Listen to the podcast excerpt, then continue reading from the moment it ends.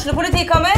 Ine Jansen er purk. Er du purk? The motherfucking bitch. Alt jeg vil, er å finne ut hva som skjedde med mannen min. Jon Carew. Er jeg sikta for noe? Iben Akeli. Det er du. Ole So, Lars Berrum og Big Daddy Karsten. Hvem sin side er du på, egentlig? Anette Hoff, Tone Danielsen, Kommer du fra Afrika? Jørnis Josef, Nesten. Kløfta. Trond Espen Seim, Det er synd å si det, men det var feil mann som døde. Purk. Premiere tirsdag på TV2 Play. Med meg i dag har jeg Rune Fjell Olsen og Niklas Al Halvorsen. Alvorsen? Og jeg ble lett, Det ble veldig seriøst, dette her. That's me.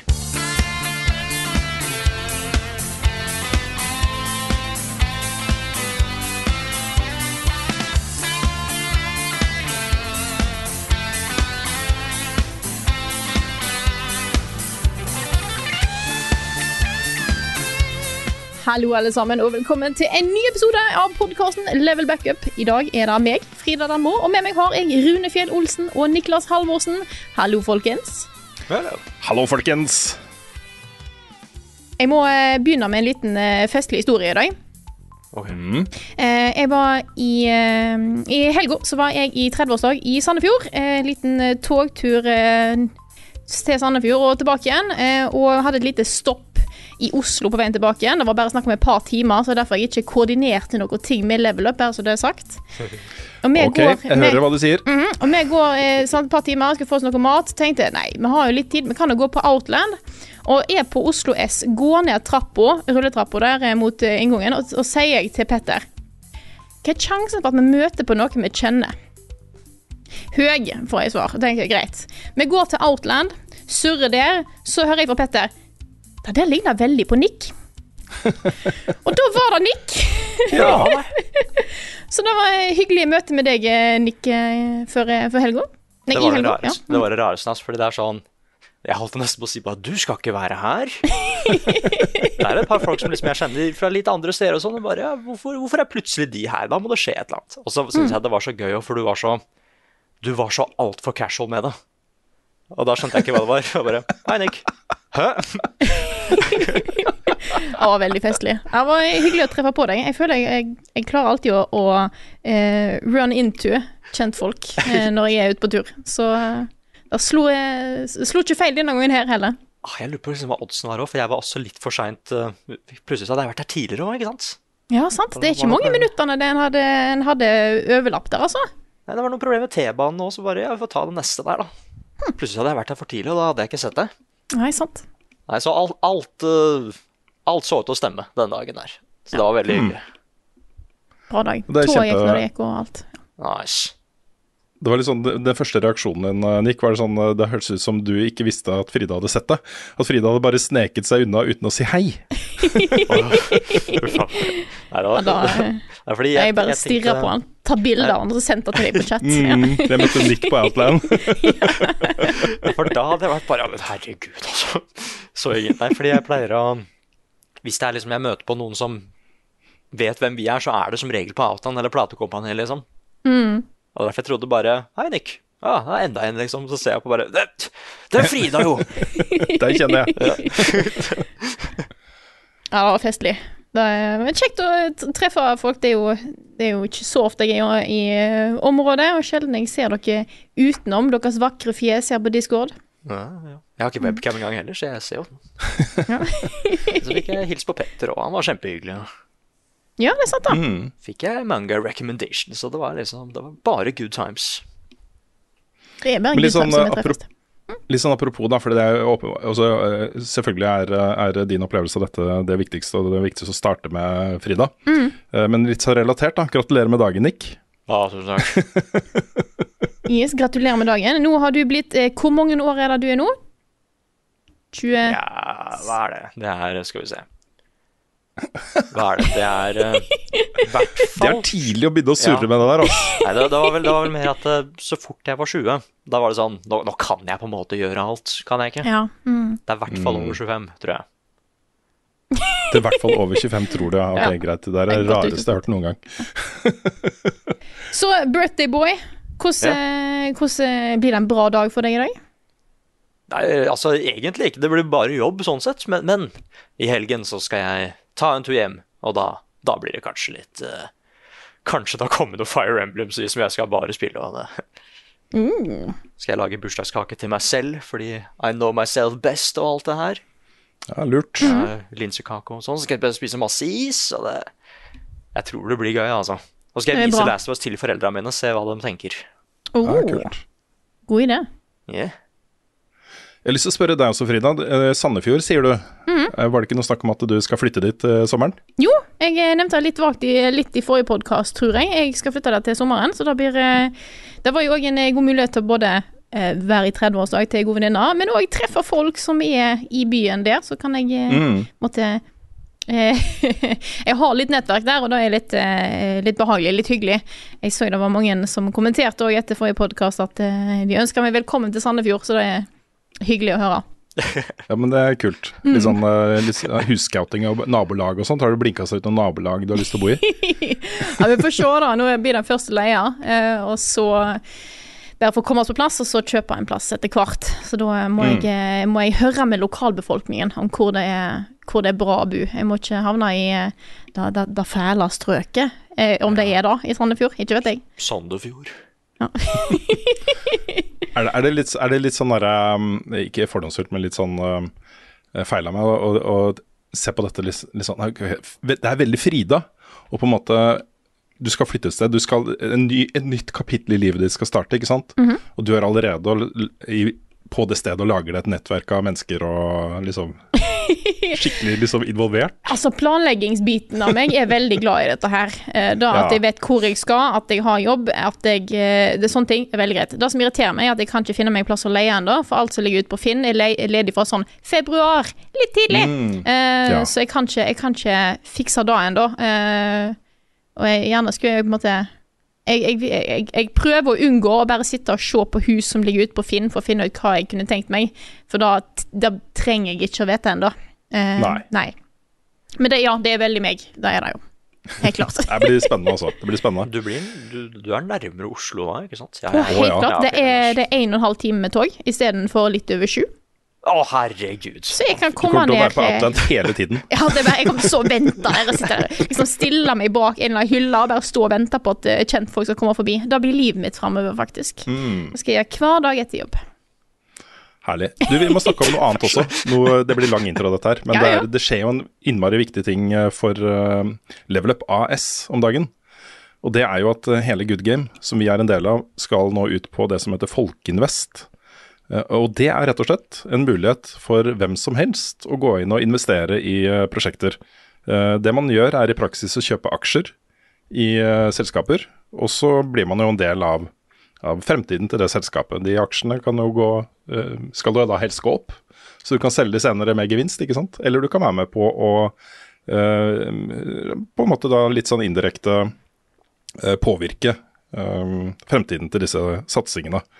Eh, noen går jo inn i sånne prosjekter med mange millioner kroner og blir på en måte en aksjonær som kan ha stemmerett på eh, generalforsamlinger og den type ting, mens andre går inn med litt sånn sparebeløp og, og sånt. Så det er jo ofte tusenvis av mennesker som går inn på den type Folkeinvest. Der ligger det ute en sånn forhåndsinfo på folkeinvest.no. Eh, Den fulle kampanjen starter veldig snart. Vi har jobbet med en video som skal ut til det konseptet. Eh, og det som er, eh, også For vår del så er jo dette superviktig. Eh, dette vil jo på en måte bestemme litt vår fremtid i good game også. Fordi det er jo ikke noe tvil om at Level Up er en, en del av de dokumentene som blir presentert for potensielle investorer. Så, så um, fra Good Games sin side så er det i hvert fall åpenbart at Level Up på den satsingen er en del av Good Games framtid. Så um, jeg er veldig spent på hvordan dette går. Det har jo allerede kommet inn en del nye investorer i Good Games som er veldig spennende. De vet jeg ikke om jeg har lov til å snakke om ennå, så det skal jeg la være. Men jeg har møtt noen av de, og det er bra folk. Um, så, så dette er på en måte et, uh, nytt kapittel, det også. Akkurat som du flytter til Sandefjord, så er på en måte dette et nytt kapittel i, i Good Games og Level Up sin historie. Så 2023 blir et dritspennende år for oss. Vi eh, krysser alt vi har av fingre og tær for at denne Folkeinvest-kampanjen går gjennom. Eh, og hvis det skjer, så, så ser i hvert fall de neste årene veldig bra ut for oss, da. Så, så dette kommer vi til å sitte og følge med på, og, og eh, håper, det, håper det går eh, bra. Men gå altså da inn på folkenest.no hvis du er interessert i å vite mer. Og så kommer da kampanjen ut nå i løpet av de nærmeste dagene, tror jeg.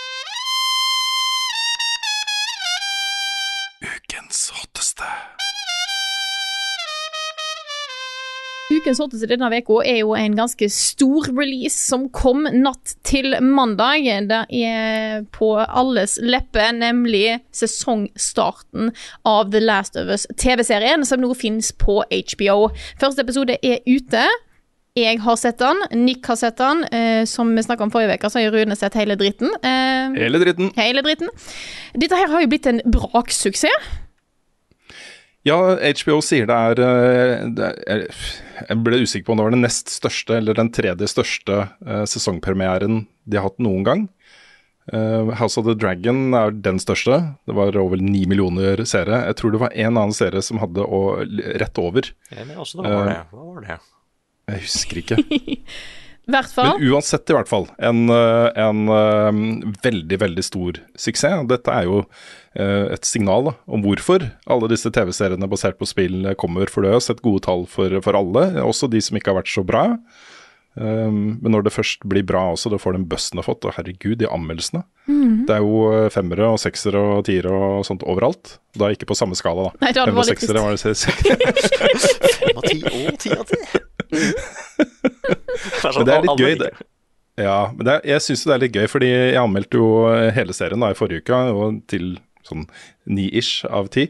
Um, jeg var- jo ikke sikker på hva resten av verden syns. Det var gøy å se eh, mange andre anmeldere var eh, enig i den, også folk som kommer fra ren TV-verden. Men grunnen til at vi har det med her, da, for vi snakka jo nok om det forrige uke, jeg er jo dritspent på hva dere syns. Jeg eh, likte første episoden veldig, veldig godt. Jeg syns det var eh, det, er lenge, det er god stund siden en del år siden jeg spilte originalspillet, og jeg har ikke vært gjennom historien flere ganger, som jeg vet at andre her har.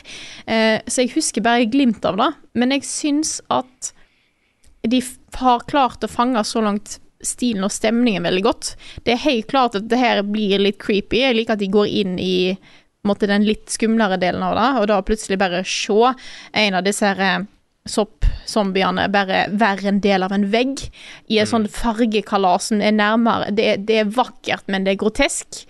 Eh, jeg er så glad for at de går inn i den biten. Og så var det segmentet jeg tenkte dette her, dette tror jeg jeg har spilt. Jeg tror jeg har spilt akkurat dette. Som jeg er òg syns er disse- gøy. Ja, Noen av de scenene er jo nesten sånn shot for shot, akkurat det det var i spillet. Den bilturen f.eks., helt i starten av spillet. Mm. Den er veldig lik, ass. Veldig, veldig lik. Hva syns du, Nick? Ja, for jeg er eh, Jeg likte det veldig godt, men jeg er litt usikker på et par ting. Eller, eller ikke, ikke sånn Jeg er litt usikker på det som er forandra, men ikke det som er nytt. Jeg likte stort sett bare det som var nytt, sånn egentlig. Nå holdt jeg på å spoile. Får vi lov til å spoile? Nei, vet vet du hva, vi skal ikke spoile. Eller, eller får vi lov? Hva tenker dere? Ja, Det spørs litt hva, akkurat hva det er. Ja, eller hvis du ikke har spilt Er det spoil... Ja, ja ikke, ikke den tingen, ja. ikke spoil den tingen. Ok, ok, da blir det vanskelig. Nei, men i hvert fall ja, um, Dette er vel en sånn Jeg tror jeg hadde likt det så mye mer hvis jeg ikke hadde spilt spillet. er vel egentlig greia. Så jeg gleder meg til å vise det her til andre folk, da. Som sier at uh, spillet er for kids, og det er ikke noen gode historier der og sånn. liksom. Eh, men det eneste som jeg er mest nysgjerrig på, er egentlig fortsatt bare castingen, egentlig. Ja. Den ah, Men ellers så er jeg, jeg er veldig spent, da. Det viktigste er egentlig Egentlig det viktigste er at de får til slutten. Det er eh, Det er det aller Ja, det blir- viktigste. Det blir jo nevnt i eh, første episoden også at de skal gå og besøke Bill og Frank. Um, og det, det er bare en episode dere kan glede dere til, apropos casting og sånne ting. Yeah. Det er en uh, sterk episode TV, altså. Um, men jeg eh, helt enig med deg i, i det med at, at um, eh, spillet, spillet er best. Og det mener jeg også fortsatt. Altså Den opplevelsen jeg hadde av spillet, setter jeg foran opplevelsen av å sett TV-serien. Kanskje litt av farga at jeg spilte spillet først, men, um, men det er noe med det å være i denne verden som er vanskelig, da, å gjenskape i en, en, et lineært medium. Så, um, eh, så når da TV-serien holder seg såpass tett til spillet, så blir jeg også sittende litt sånn at ja, dette er kjempebra, men jeg kanskje hakket bedre å faktisk være den som holder i geværet i den sekvensen, da. Ja. Du får det tettere på kroppen. Absolutt. Ja, for jeg, Eh, jeg er også der. Det er derfor jeg likte de nye tinga best, kanskje. mm, For det er noen scener der altså, som er så effektive. Som bare Ja, OK, jeg kjenner ikke dette her igjen. For da er det fader meg ikke i spillet, vet du. Og nettopp. det syns jeg var kult. Ja, de er, det, de er det ganske mange av. Nice. Eh, og det, det blir det brukt, i hvert fall første halvdel av serien blir det brukt ganske mye, altså litt mindre mot slutten. Men, eh, men det er en, eh, en flott måte å utvide dette universet på. Og i noen tilfeller så har det jo endret um, tilstedeværelsen av rollefigurer i, i historien okay. uh, til å bli en litt annen, Uh, fordi det passer bedre med uh, fortellingen i, i TV-mediumet. da. Eh, så noen vil nok kanskje reagere på til det, men det er jo ikke akkurat sånn det var i spillet. Men jeg syns det er helt riktig også, å gjøre de grepene. Ja, jeg føler at i mange settinger så må en kanskje gjøre et par sånne grep for at det skal funke på TV. Mm, Det er en endring av et medie, og da er Da må en gjøre ting annerledes òg. mm. Jeg har vært i, i diskusjon med en på Twitter eh, om, eh, um, som har litt dårlig tid, sier han. så han lurer på er det mulig å se um, denne TV-serien og så spille part to. Eh, og svaret på det er jo egentlig ja, da. Fordi um, uh, det, det er den samme historien. Og du vil, uh, når du går da fra TV-serien til part to, så vil du vite alt du trenger å vite. med liksom hvor rollefigurene kommer fra, og motivasjoner og, og forhold folk imellom og sånne ting. Så, så det korte svaret på det er ja. Det litt lengre svaret er at eh, jeg syns jo, når det har kommet en så bra remake eh, som det kom i fjor, til PlayStation 5, så, så ville jeg jo anbefalt å spille den også. Det kan hende at du får lyst til det etter å ha sett TV-serien, eh, til, til å gjøre det. Det, er, eh, det er noe med det å bade i dette universet på egen hånd liksom, som, eh, som er ganske sterkt, altså. Så ja. Men det var hyggelig å høre at dere også satte pris på det. Jeg gleder meg til å, til å følge dette eh, framover. Se om dere, hva, hva dere syns om slutten og alle disse tingene. Um, ikke minst Bill og Frank. Vi får komme tilbake til det. Eh, men vi har fått en del andre spørsmål også eh, om dette her. Det er jo masse snakk om dette, så jeg tenkte bare å ta noen av de eh, her. Um, et spørsmål er fra Stian Eriksen, som spør regner med at The Last of Us-serien blir en suksess. Gleder meg selv til å se den. Men er det da en fare for at serien tar historien videre før eventuelt part tre-spillet kommer rundt? Hva tenker dere eventuelt om det? Og nå er det jo sånn at eh, part to av dette spillet er jo mye større og har mye større scope enn det part én har. Mm. og er i praksis egentlig to sesonger med TV-serie.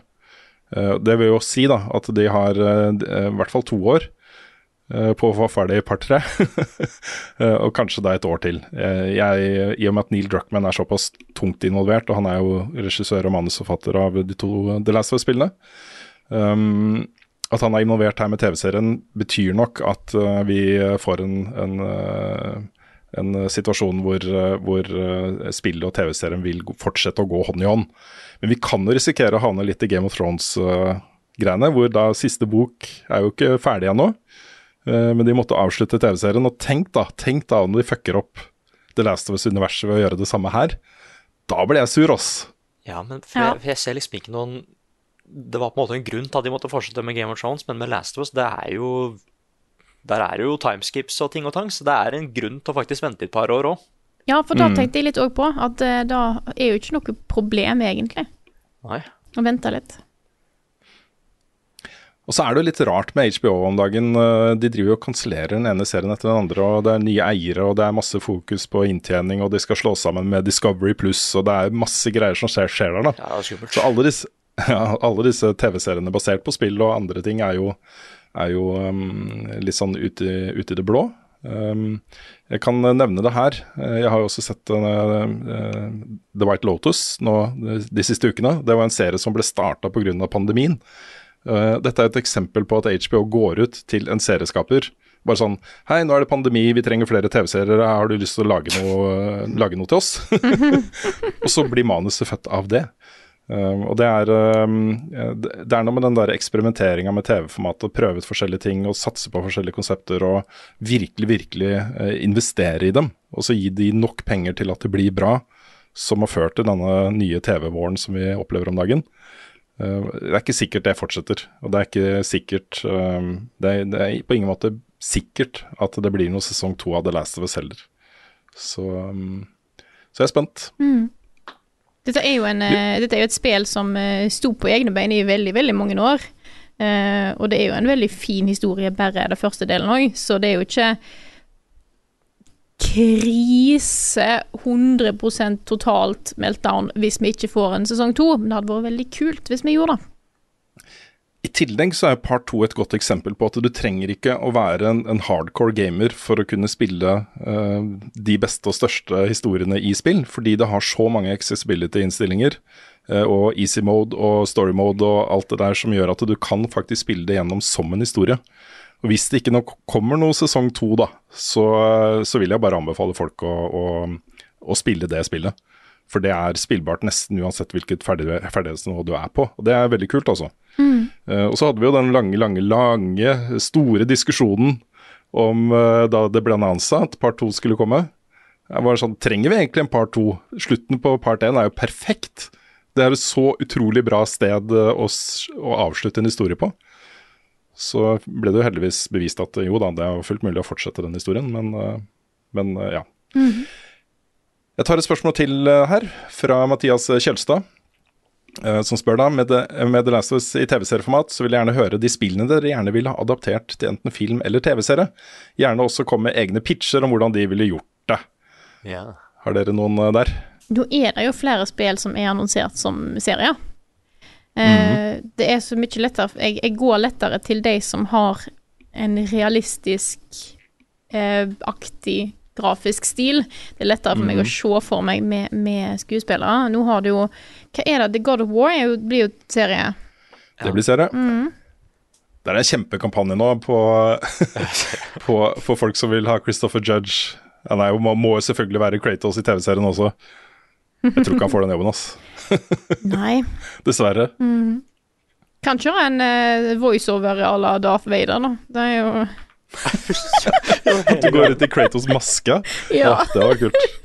Han har alltid noe liksom foran munnen, ikke sant? så da kan han dubbe over. Mm. Du ser han kun bakfra hele veien.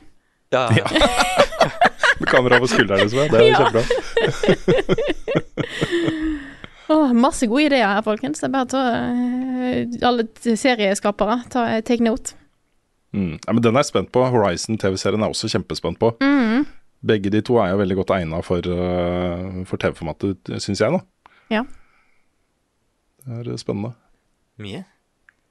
Åh, hva kan jeg Har du noen, min? eh, Nick? Ja, for jeg har vel egentlig ja, det som, Jeg er spent på en God of War-serie, men jeg tror det kunne blitt så kult hvis de tok det fra starten av. Liksom i God of War 1, sånn sett, da. Åssen han ble The Ghost of Sparta og sånn. Ja, det er, det er sant. Det tror jeg kunne vært kjempekult. Så litt, litt skuffa over at de bare skal nå hoppe rett i norrøn. Kunne liksom tatt uh, greiskriv først og bare Oi, hvorfor, hvorfor er han sånn som han er i norrøn-mytologien? Uh, Men jeg har jo fortsatt tro på at uh, jeg tror Shadow of the Colossus kunne blitt en kjempekul film. Hvis den var litt mer sånn uh, Litt mer stille, litt mer rolig. Litt sånn Et artsy. Ja. Litt, art, litt artsy, ja, men også litt, litt spennende. sånn da. Mest fordi jeg syns den historien er kjempeunik. Og jeg tror det kunne sett så bra ut hvis du hadde gjort det riktig. Med å slåss med disse megasvære vesenene og sånn. Måtte bygd opp litt mer historie der, kanskje. Men jeg tror fortsatt det er mulig å få til noe greier. Kanskje han måtte hatt en, eh, en eh, søt sidekick Vet du hva? Ja, som kunne prate litt med og sånn. ja, ja. ja, ja. En, uh, hesten kan prate, vet du. Det- Hesten kan prate! Hesten- Der har du det. Hesten kan prate. nei, nei, så jeg, jeg tror at en sånn mer rolig film uh, kunne blitt ganske bra, altså. Ja, jeg er usikker. Nei, men you gotta have faith, ikke sant? Det, Mm. Nei, jeg vil egentlig bare til den slutten. Det der er jo slutten igjen jeg har lyst til å se adaptert. Nei, ellers så bare en Metroid-film kunne også vært fett. Eh, Kanskje starta som noe science fiction-skrekk, men så sa Samus vet du hva, nok er nok, altså. Mm. Det hadde vært Hva med en uh, absurd sci-fi med komiske trekk om Aperture Labs for Oi. Portal? Oi. Ja, ja, ja, Det hadde vært kult. Liksom starten av Aperture Lab, Ja, Lab og hvordan det liksom kom i gang og sånt. Åh, det hadde, Tenk, det hadde vært fett, da. Så kunne du hatt begynne å komme med sånn samme type crossovers til Half-Life-universet og Åh, Og så avslutter det med at, at Gladys dukker opp, liksom. Skapelsen Ja. av Gladys. åh. Det var en god idé, Frida. Ja, nå er jeg veldig fornøyd med meg sjøl. Det jeg har mest lyst til å se en TV-serie av, eller film, det er eh, Cobra Unit i Metal Gear Solid. Okay. Det er så kult. I Metal Gear Solid 3 så møter jo The Boss og noen av hennes tidligere eh, kollegaer i denne eh, spesialstyrketroppen hun leda, da. Eh, blant annet eh, var de jo med på stormingen av Normandie og herja under andre verdenskrig og har vært liksom involvert i konflikter og krig og sånt rundt omkring på, i verden. Jeg bare ser for meg de, med de abilityene som da The End og de andre eh, rollefigurene i uh, Cobra Unit har, da. Tenk deg så fett det hadde vært. Og Dette er noe de bare snakker om, ikke sant. I uh, Metal Gear Solid 3 så refererer de til forhistorien til disse folkene her. Det å bare se den historien utvikla som en egen greie, liksom, det tror jeg hadde vært dødskult, altså. Jeg tenker på en måte å lage en eh, kanskje mer film, kunne vært serie òg. Litt sånn dyster eh, fantasy-setting med, med, med Joras Mask eller eh, eh, Ocarina of Time. Kunne jo vært interessant. Da måtte du ha gjort en del grep, tror jeg. Uh, det kan du ikke ad- adoptere storyen helt én til én, men uh, du kunne ha gjort et par kule ting der, altså. Time travel-opplegg og alt. Det, det er ganske mange ting du kan spinne på.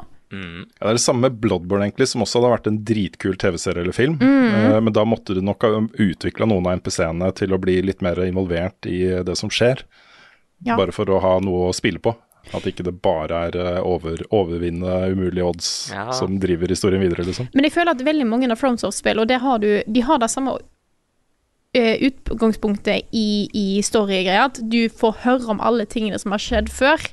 Eh, og de tingene som har skjedd før, kunne blitt veldig kule serier. Ja, det er det jeg Mm. tenker òg. Nei, ellers så, ellers så har jeg litt mer, mer lyst på Warcraft. Jeg, jeg syns den første var kul, og jeg ville se Arthurs og sånn. Det...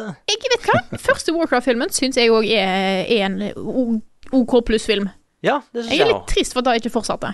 Ja, for der er det så mye kule historier, altså. Vi har også fått et eh, spørsmål fra en som kaller seg Wiz, VIZ, eh, som er litt relevant nå. Er det på tide å trekke TV-serie og filmprat ut av Level Backup og inn egen podkast, kanskje? Større rom for dypdykk. Jeg oppfatter det ikke som et negativt spørsmål, også. Nei, nei, nei. Eh, utvider, eh, eller utbroderer da med større eh, rom for dypdykk, diskusjon og innspill fra lytterne. Trenger ikke å være ukentlig og veldig strukturert. Vi har snakka om det. At hvis vi skulle på en måte utvide Level Up-universet, så, så det å ta for seg uh, andre deler av populærkulturen hadde kanskje vært uh, um, det mest aktuelle. Hvor eh, vi allerede snakker masse om det, og kan en del om det, og har lyst til å snakke om det. Så, så det kan godt tenkes. Men inntil videre da, så håper vi at eh, folk eh, aksepterer at vi snakker litt om, eh, om eh, andre medier også, selv om det er en spillpodkast. Nå var det i hvert fall litt spillrelatert, så vi kan eh, i hvert fall henge det på den knaggen.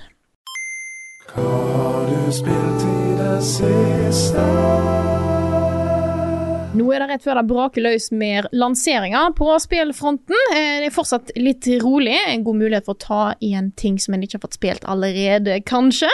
Men eh, Rune, du hinter om at du kanskje hadde spilt noe eh, relativt nytt, i hvert fall. Ja, det er, det er, det er, det er nytt. Men eh, det er basert på noe som ikke er nytt, og noe som vi har snakka masse om. da. Men okay. det fins en, en, en sånn fanskapt greie som er basert på GeoGuessr, hvor du tar utgangspunkt i kart fra spill. Og så er det da sånne 3D virtual eh, bilder fra Det er akkurat sånn som på GeoGuessr, og så skal du pinpointe akkurat hvor på kartet det er. Så kult! Ja, det er kjempekult. Det fins allerede uh, Genshin Impact, GTA5, Skyrim, World of Warcraft uh, og Fortnite. Eh, de jobber også med Breath of the Wild og Final Fantasy 14. Men nå har da altså selvfølgelig Elden Ring kommet. Ja. The Lands Between.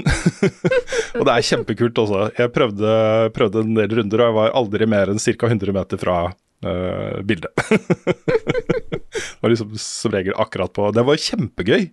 For du får jo disse her 3D-kartene, ikke sant? og det der følelsen Har du spilt litt GeoGuessr, så var det utrolig gøy å bare være inni uh, Elden Ring-kartet på den måten.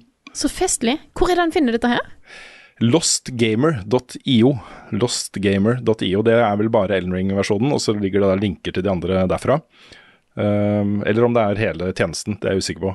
Uh, men uansett, da, jeg syns dette er et godt, et godt eksempel på, på hvor, uh, hvor uh, involverte vi blir i virtuelle verdener. Det at man kan bare ta et screenshot, et 3D-screenshot og vite akkurat hvor det er. Og?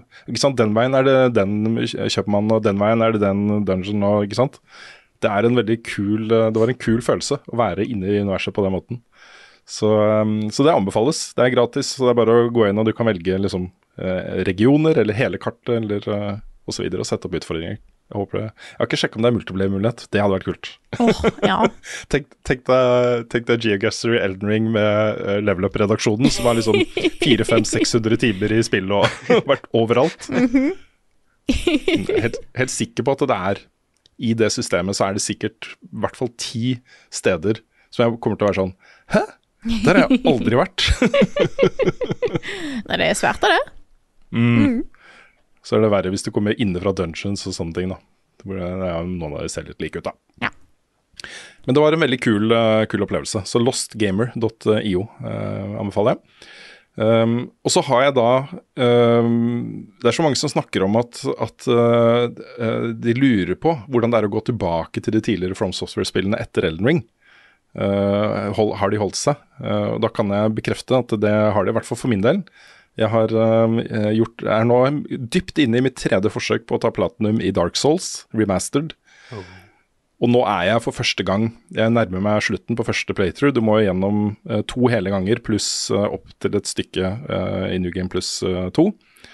Um, og det er bare så sjukt Det er så sjukt engasjerende. Og jeg har opplevd også sider av dette spillet som, som jeg ikke har opplevd før. Og det er eh, Jeg føler at jeg blir på en måte kjent med spillet på en helt annen måte. Og det er en eh, veldig digg følelse også. Og så er, er, det gøy. Det er skikkelig gøy. Nå har jeg kommet til de delene av spillet som ikke er så bra. Um, ikke helt ferdig, og et par bosser og sånn som kanskje de burde ha jobba litt mer med. Men uh, i hvert fall helt opp til det. Um, og så da gleder jeg meg til faktisk siste boss, for det er så fett, også. Så det er veldig kult. Jeg bruker da, hvis noen uh, lurer på om de skal gjøre det samme, så, um, så fins det ingen sånn skikkelig gode 'gjør det' gjør det, og så gjør du det, og så gjør du det, guider på nett. Men det fins et par sånne halvveis uh, gode som uh, Bare du følger de, så, så, er du på en path som gjør at ikke du går glipp av noe. Um, men det er så lett å gå, gå seg vill, altså. Fordi jeg har sånn der, et Excel-dokument med en sjekkliste, så du kan hake av etter hvert som du får de itemene du trenger. Den er jo på 500-600 punkter, ikke sant, med oppgraderingsmaterialer og våpen og uh, spells og alt mulig rart. Og det er helt, det er helt sjukt, og det er derfor jeg har hoppa av. Fordi jeg har gått for langt i spillet, og så er det en NPC som har dødd, og så kan jeg ikke skaffe de greiene som jeg skulle kjøpe fra den NPC-en før neste playthrough, og så mister jeg fullstendig oversikten, og så blir alt bare kaos. Men med den sjekklista, ikke sant, den er, den er, så god, altså. Så hvis du søker opp liksom Dark Souls Platinum checklist på Google, så kommer du da til et Excel-dokument som noen har lagd. Så kan du lage en kopi av den på din Google-disk, og så er du, er du, i gang. Det er, eh, det er vilt fett, altså. Ah, nice. Og så har jeg så vidt begynt på, kan ikke uh, si noe om det ennå, men uh, jeg har begynt på uh, Season, A Letter to the Future, som kommer først 31.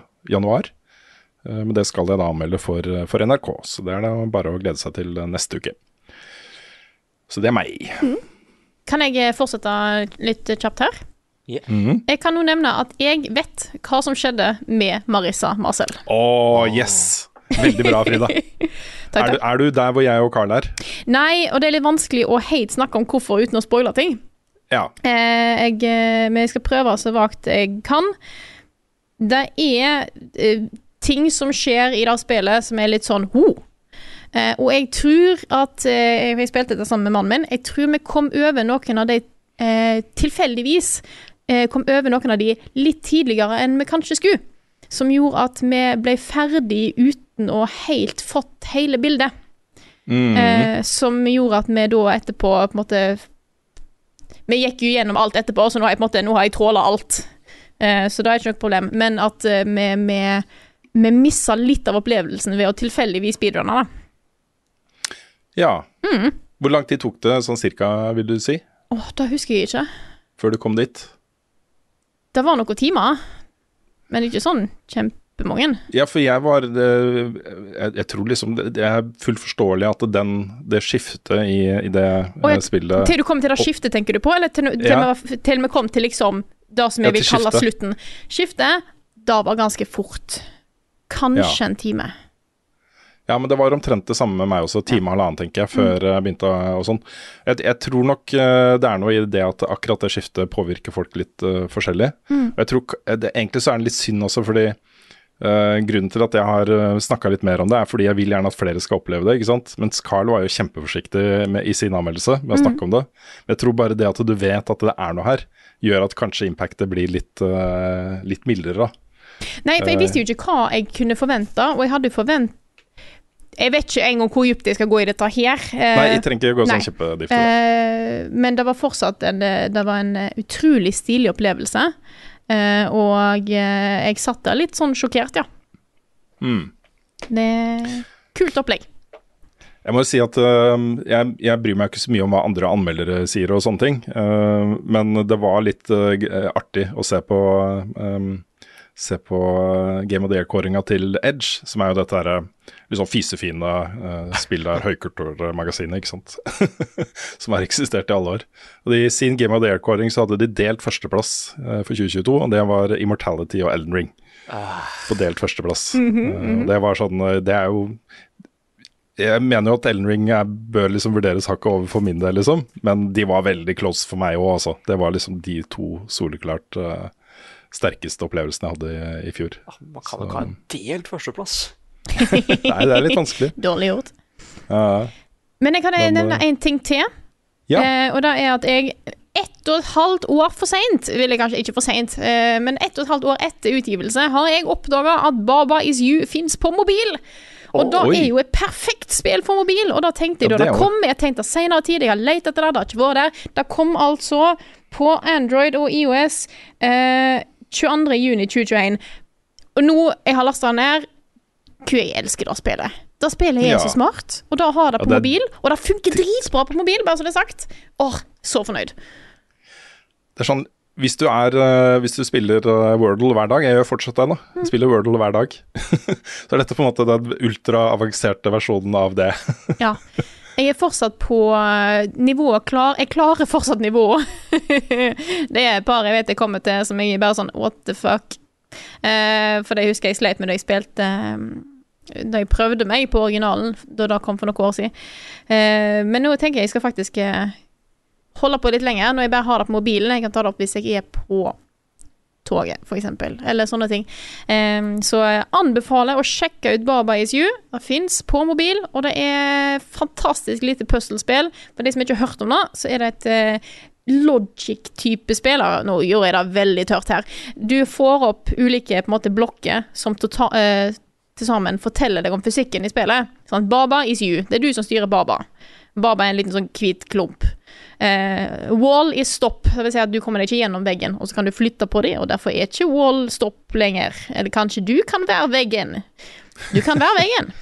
Baba is wall. Ja, ja. Nei, ba, uh, wall is you. For hvis Baba is wall, så blir Baba en wall, men du er ingenting, og da kan du ikke styre noe heller. Mm. Nei. Det er, feila jeg allerede der, vet. Ja, ja, ja. Nei, men da- det er det- for meg. det er lagd veldig smart. Du blir eh, gradvis uh, introdusert til nye, nye konsept.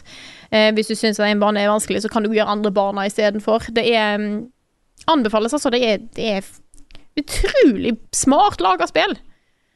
Som gjør at jeg føler meg både smart og dum samtidig. Mm. Ellers så har jeg jeg bare nevner akkurat nå så har jeg en liten sånn eh, eh, Tar igjen TV-serie-binging-ting. Eh, så de siste ukene så har jo jeg sett eh, The Bear, Severance eh, Jeg holder på med For All Mankind. Eh, jeg har det. Nå har jeg det fint.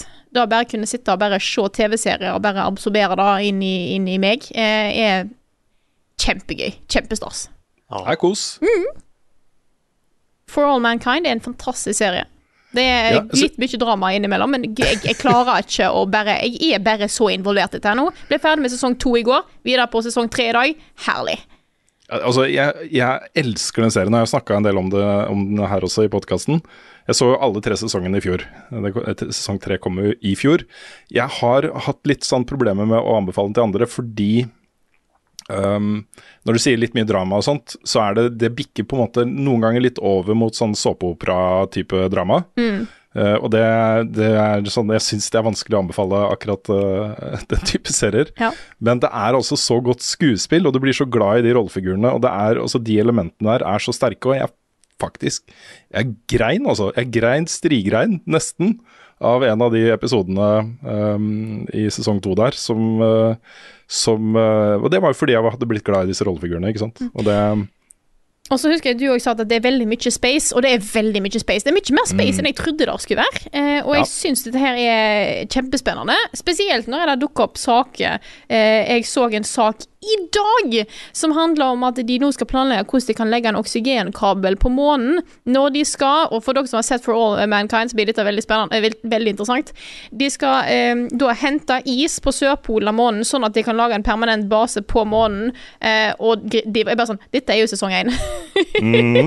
Det er sesongen. Så, mm, så det jeg syns det er utrolig kult eh, hvordan eh, jeg nå, når jeg faktisk har lest akkurat Å ja, shit, dette her er jo faktisk science som de faktisk driver og ser på.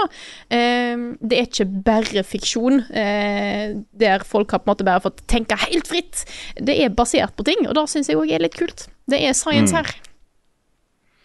Så ble det litt TV-serier i eh, Hva har vi spilt siden sist spalten også? Det er bra, det. ja, jeg måtte bare. Jeg måtte bare.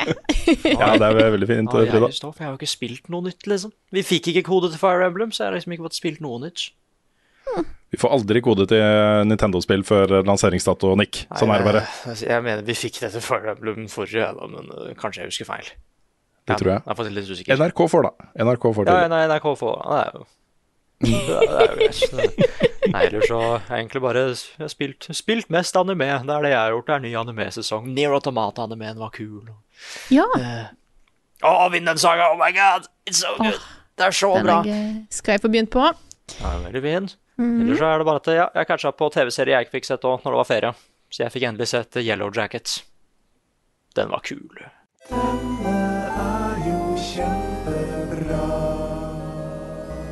Ukens anbefaling. Ja, Vi glemte forresten å nevne det i introen, men vi har nå gått over til å være en podkast som er, er eksklusivt handler om TV-serier. Mm. det blir litt mye denne episoden her. Ho boy, men det er jo fint. Vi har anbefalinger på lista, som er fra Rune. Og da Hva blir det da, Rune? Ja, det blir nok en TV-serie. Vet du hva, jeg, vi har en, jeg har en mulig eh, måte å på en måte eh, begynne å omformulere spill med det litt. grann. Vi kan begynne å kalle det TV-spill, som mange gjør, ikke sant? Ja. For da er det kortere vei mellom TV-spill og TV-serier, og så, ikke sant? ja det er jo egentlig det. Altså, altså eh, lange spillserier er jo egentlig bare TV-spillserier. Ja, ikke sant? Ja. Vi kunne sagt Spillberg også, for det hadde vært film og TV. og spill. Ja, ja, det er sant. Nei, men ok, jeg skal prøve å holde meg, fatte meg litt i korthet, da. Uh, fordi, eh, men jeg, jeg syns det er verdt å nevne denne serien her. Uh, jeg har snakka om den før. Uh, de to første sesongene av Atlanta var kruttsterkt TV. Eksperimentelt og rart og annerledes. Og hver gang de på en måte beveger seg over i Nei, nå skal vi fortelle en historie om disse rollefigurene her, så skeier det ut i sånne helt ville greier. Og nå har da nettopp sesong tre og fire kommet på Disney pluss. Den har jo bare vært tilgjengelig på, med sånn VPN og sånt eh, før det. Eh, Så da har jeg begynt å se det. Og de fortsetter jo de fortsetter jo den der eksperimenteringa. Her har du hele episoder som ikke handler om på en måte hovedrollen i serien i det hele tatt, og som handler om noe helt annet. Uh, og så har du um, episoder da med disse rollefigurene som er bare Det er weird, altså. Det er skikkelig weird. Uh, og sånn overskuddsprosjekt hele veien. Og det, er, det som ligger til bunnen her, er jo på en måte en, en samtale da, om, om eh, rasisme, om eh, svarte situasjonen i USA, om hvordan hvite forholder seg til, eh, til andre hudfarger osv. Og, så og det, det på en måte drøftes på sånn måte som er veldig sånn åpen.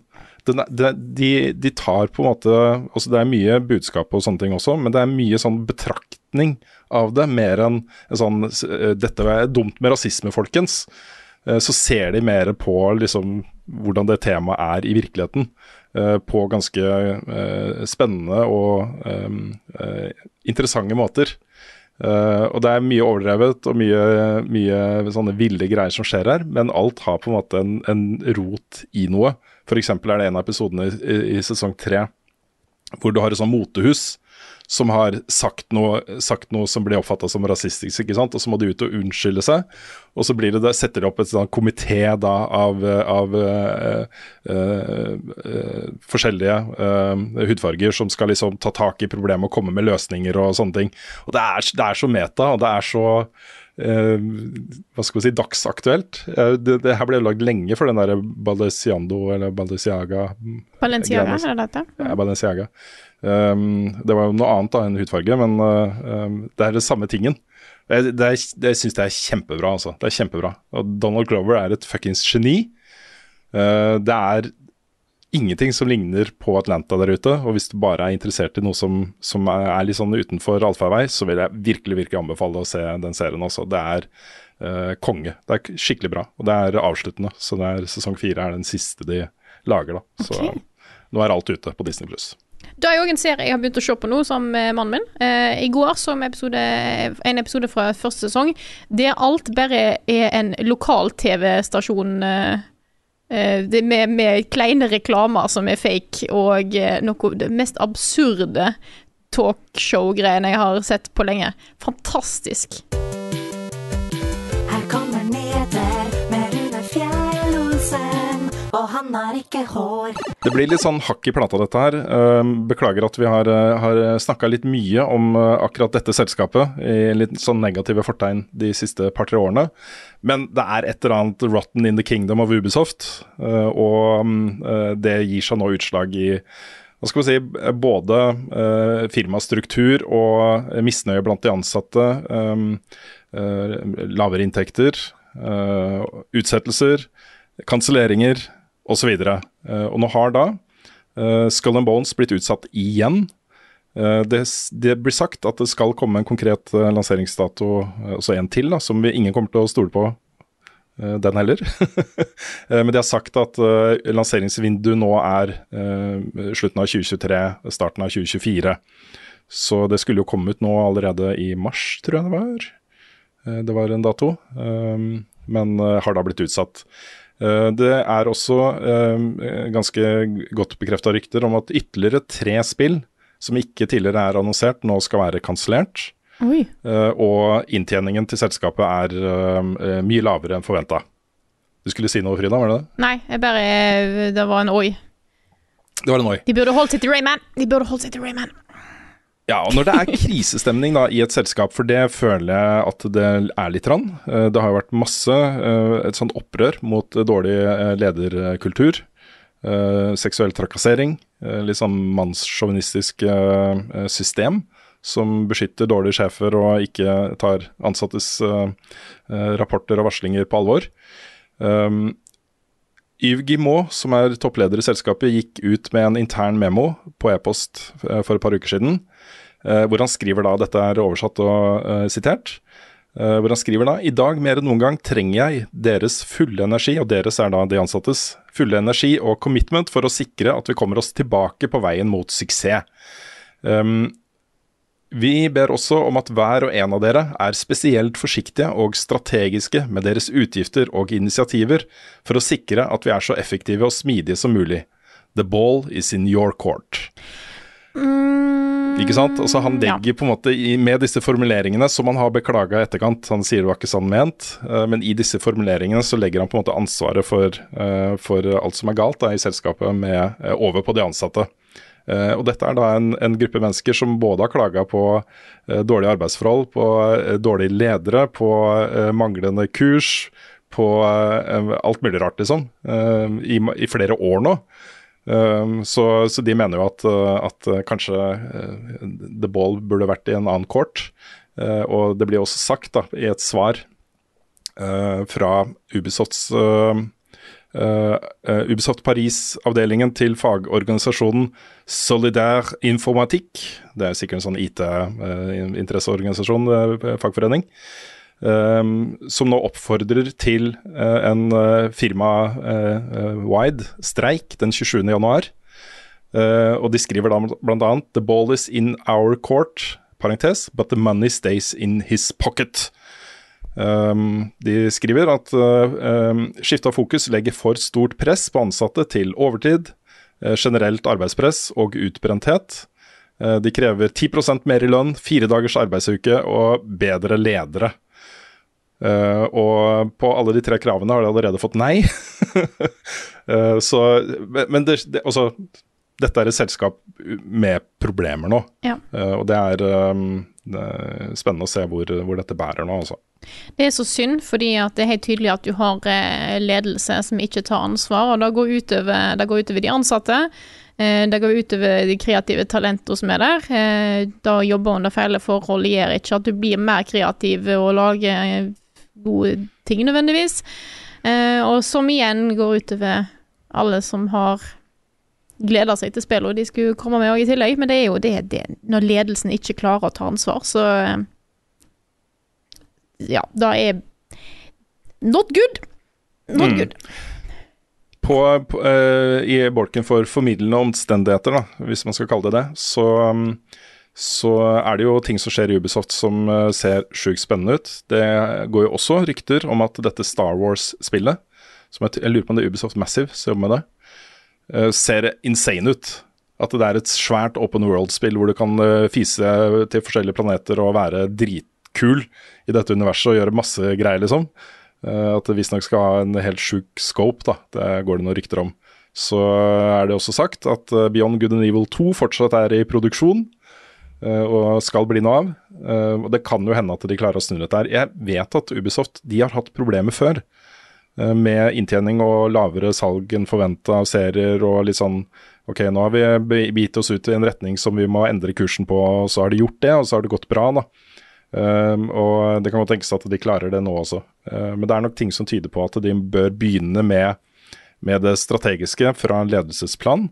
Et av de grepene de har gjort de siste årene, er jo å, å uh, satse tungt på NFT uh, og krypto. Uh, og det har feila spektakulært. Dette var jo liksom i årene før, før krasjet.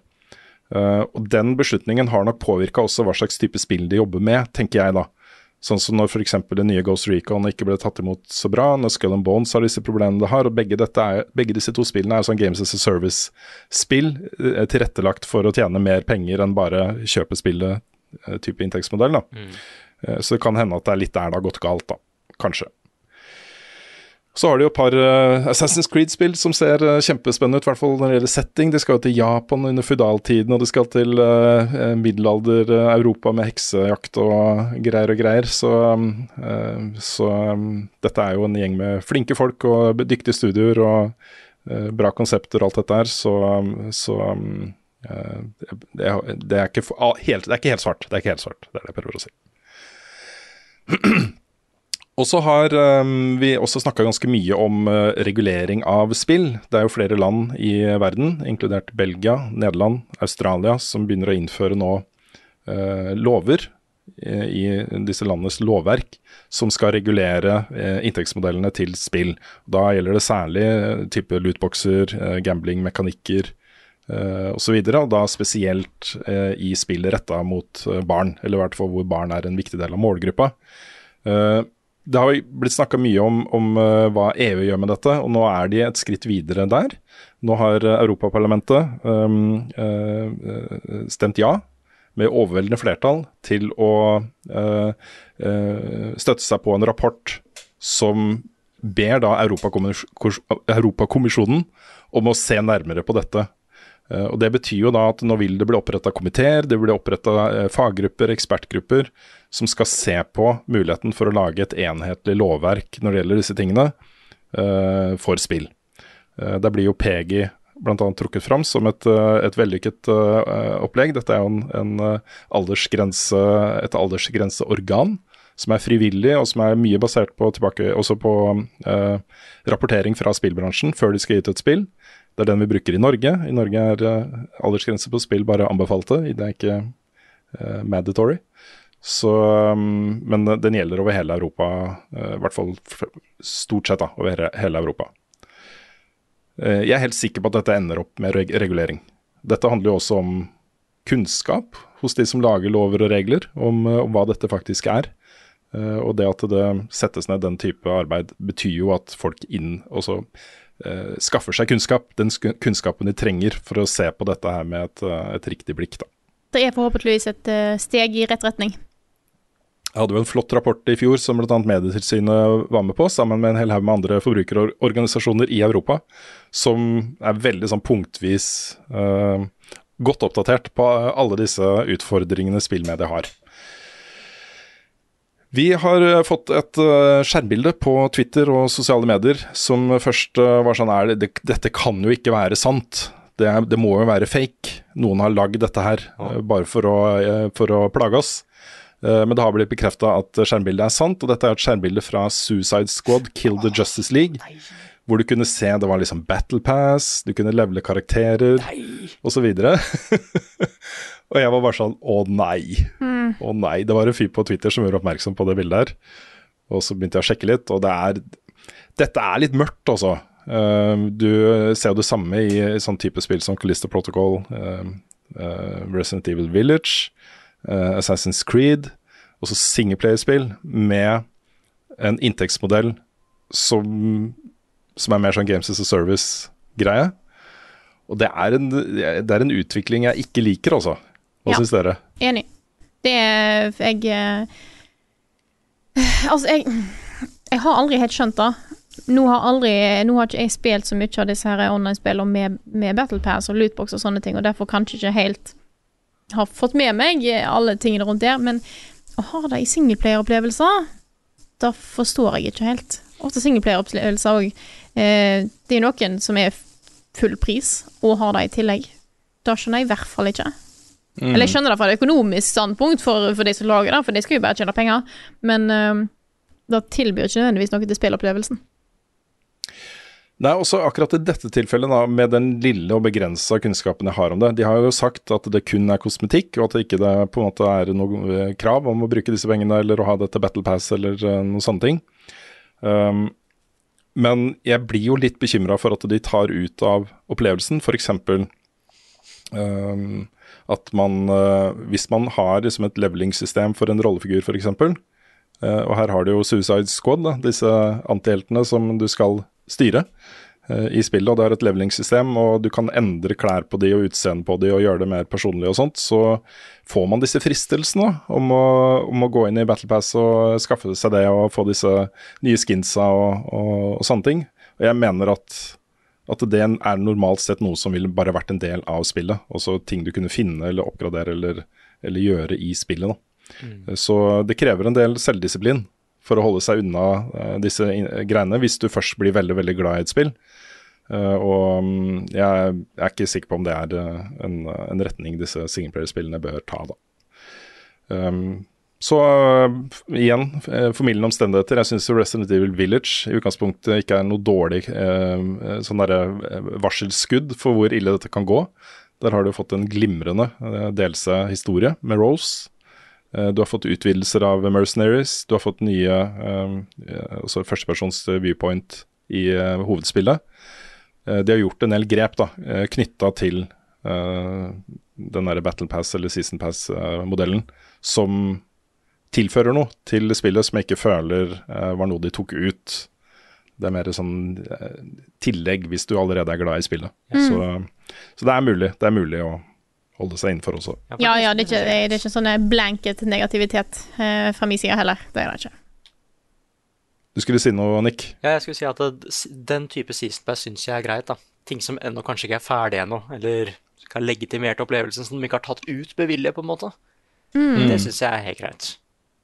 Eller, ikke helt Altså ikke hvis det ødelegger historien, liksom. Det syns jeg ikke. Men eh, ja, sånn som Resident Evil og Vel, Dark Souls 3 hadde jo et season pass, det òg, da. Og der var det det, er sant, og der var det det. også ganske, ganske godt innhold, altså. altså Ringed City er jo det beste Dark Souls 3-innholdet. Ja da, men, men bare et spørsmål, da, når du snakker om Suicide Squad og leveling og sånt. Er det da et system som er der fra start, som kan være med å påvirke opplevelsen fra start? For Jeg vil da, tro det. Ja, for men, jeg eh, føler der er det et lite skille for min del. Eh, hvis det er ting som du har en eller annen, betaler en eller annen pris, sånn som du har fått for å få ekstra baner i Mario Kart, eller for å få DLC i Xenoblade Chronicles 3, da er det ting etterpå. Det er mer ting etterpå. Det er ikke Mm. ting som påvirker deg der og da. Sånn som var det ikke et uh, spill Var det Assassin's Creed som hadde sånn at du kunne kjøpe opp, Betale for oppgradering? Du kunne kjøpe XB-boost. Ja, sånne ting som er der for å påvirke der og da. Bare sånn at ja, Ja. du kan gjøre eh, base game annerledes. Da føler jeg det er litt annerledes. Mm. Da, da er et Ja, det- for meg. Det du kunne kjøpe i Assassin's Creed, det var ganske ille også, fordi jeg ble frista til å bruke noen penger der. Eh, Det var både XB-boost, og du kunne unlocke sånn at alle, alle liksom kister og, og skatter og sånt ble vist på kartet. Eh, og til slutt så var det jo sånne, der, det var sånne søyler med lys over hele kartet, med ting som jeg kunne gå. ikke sant? Hvis det var gull, så var det en kiste med en eller annen armor-oppgradering eller noe sånt. ikke sant? Hvis det var blått, så var det mystery. Og, ikke sant? Åh. Det øde, jeg vil ikke si det ødela spillet, for jeg, det var, dette var noe jeg tok på andre playthrough. Men uh, det var uh, Åh, det var mye, altså. Så um, det er Ja, nei, greit.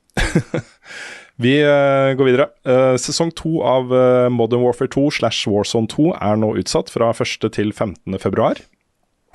Og utsettelsen er fordi det er jo en del litt sånn negativ feedback rundt det spillet nå, på spilleropplevelsen. Og utviklerne sier at de skal basere seg på de, den feedbacken og gjøre relativt store endringer på både Warzone og Modern Warfare 2. Eh, det vil komme eh, masse ting vi ikke vet om ennå, men det de har sagt kommer, helt sikkert, er eh, resurgence, resurgence mode til Warzone 2.0. Eh, et helt nytt og mindre da, lite kart til Warzone 2.0 eh, for da færre spillere.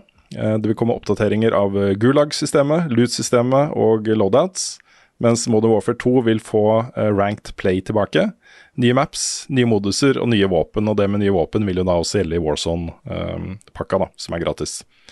Um, det er jo en fordel man har hvis du, hvis du bare har lyst til å spille Warzone 2.0. Det er jo at uh, mye av levelinga og, og det å skaffe seg disse våpnene er, er jo knytta til Modern Warfare 2.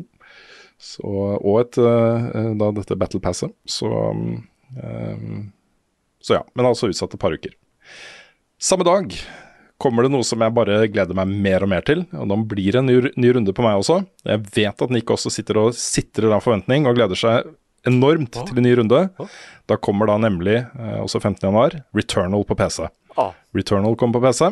Sa du 15. januar? 15. februar. Ja. 15. februar. Um, det har jo blitt uh, snakka også De kom med, med den datonyheten, så kom det også litt sånn PC-specs og sånne ting. Og det er maks-spekk. For å få maks ut av det, så trengte du et 3080 TI-kort. Uh, for min spekk så var det et, et 1060-kort, eller tilsvarende, fra, fra um, andre produsenter. Um, men det som gjør at jeg er gira på dette her, er at spillet vil ha native-støtte for både 21.9 og 32.9. Så min, uh, det å kunne spille Returnal i ultrawide, det er nok for meg også, til at jeg kommer til å ta en ny runde med det spillet. det, det er litt kult, da. Ja, det er, uh, det er ja, ultrawide også. It's the future, guys. Det er, uh, det er så lekkert. Det er så lekkert. Det er ikke for svært, liksom? Nei, det blir jo bare mer informasjon, ikke sant. Og Det er, ja. Nei, så det blir bra. Um, Black Myth Wukong, dette kinesiske spillet basert på uh, World to the West, yeah. altså eventyr om apekongen.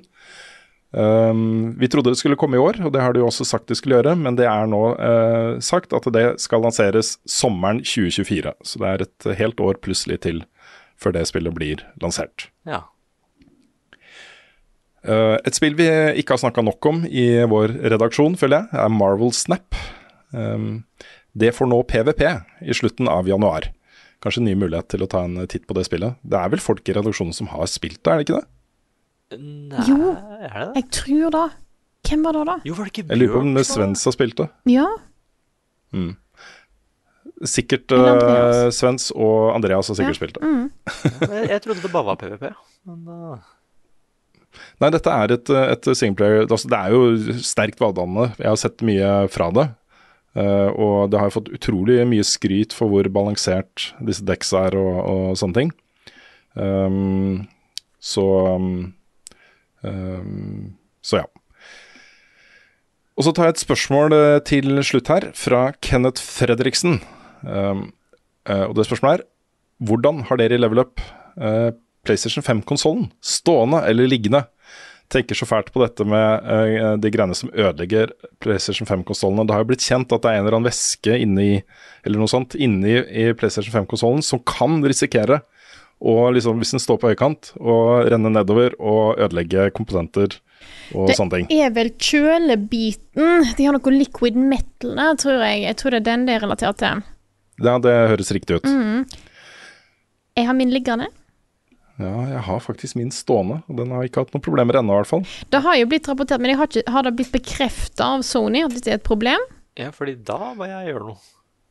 Ja, jeg er usikker. Mm, men det er jo altså, Nintendo er jo ikke akkurat så veldig gira på å bekrefte at det er problem med joycons i starten heller, da. Um, men jeg, jeg, har, jeg har sett saken. Uh, jeg har ikke hørt om veldig mange som har hatt problemer med det. Jeg håper at det ikke er et utbredt problem, uh, for det er jo litt bad. Uh, jeg har min liggende. Det er en, en veldig spesifikk grunn. Jeg vil ikke at en katt skal rive den ned. Ja, det er smart. Ja, Det faktisk. Eh, for da hadde det vært sannsynlig. Eh, så den, den ligger fint i min store TV-benk. Den er noe herk å få på plass, for den er så jæklig svær. Ja. Den konsollen. Så den tar jo opp egentlig hele avdelingen i akkurat i den hylleseksjonen der, da. Så jeg prøve å liksom få den til å balansere oppå den der lille, lille klumpen av et stativ han har, og få den til å stå beint, og så få kap... For det er noe herk every time. Men dere har dere stående, altså? Ja, Jeg har det. så du har jo egentlig dodged the bullet der, med at den var litt inconvenient plassert, men Ja. jeg, var, jeg, jeg har jo aldri drept en konsoll, da, med sånn sett. Uh. Jeg har hatt én konsoll som døde.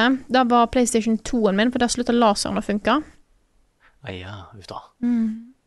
Jeg fikk en red ring på Xbox 360, som så mange andre. Ja. Ja, men, men, det er ikke på en måte vår feil. Men nå har vi liksom fått en sånn at det bare Dæven, det, det kan være at eh, det kommer til å skje en feil i de PlayStationene som står oppreist, altså. Skal jeg da ta valget om å gjøre det Det er jo ikke bekrefta, men jeg er litt redd nå, altså. Altså Uansett, da, hvis, hvis dette er en, eh, et eh, reelt problem, og det tror jeg det er basert på de rapportene som jeg har lest, eh, så følger du med en stand som du kan bruke for å ha PlayStation 5-konsollen din stående. Og det er jo ikke også det er jo meningen at den skal kunne stå. Yes. Eh, Så, så det er jo en ren forbrukersak. Hvis, Ja da. eh, hvis Nå har jeg jo jeg har fått min tilsendt til testing av, av eh, PlayStation, da. Så, men hvis du har kjøpt en konsoll, så, så vil det jo Det er en forbrukersak. Du får en ny. Ja. Ja, det er bra det er flere tilgjengelige nå, da, så det går an å få ny hvis det blir et problem. Det er i hvert fall ble så mange tilgjengelige nå, vet du. Så det er nå det skjer. Jeg venta i to år. Nei, men da får jeg la, får jeg la, la Anja være liggende, jeg, da. Det får jo ikke gjort noe. Kan ligge og slappe av. Ja, det, det, får, det får greit. Jeg har stått oppe i sånn to år. Så da, slapp Sikkert av. litt sliten i beina. Ja.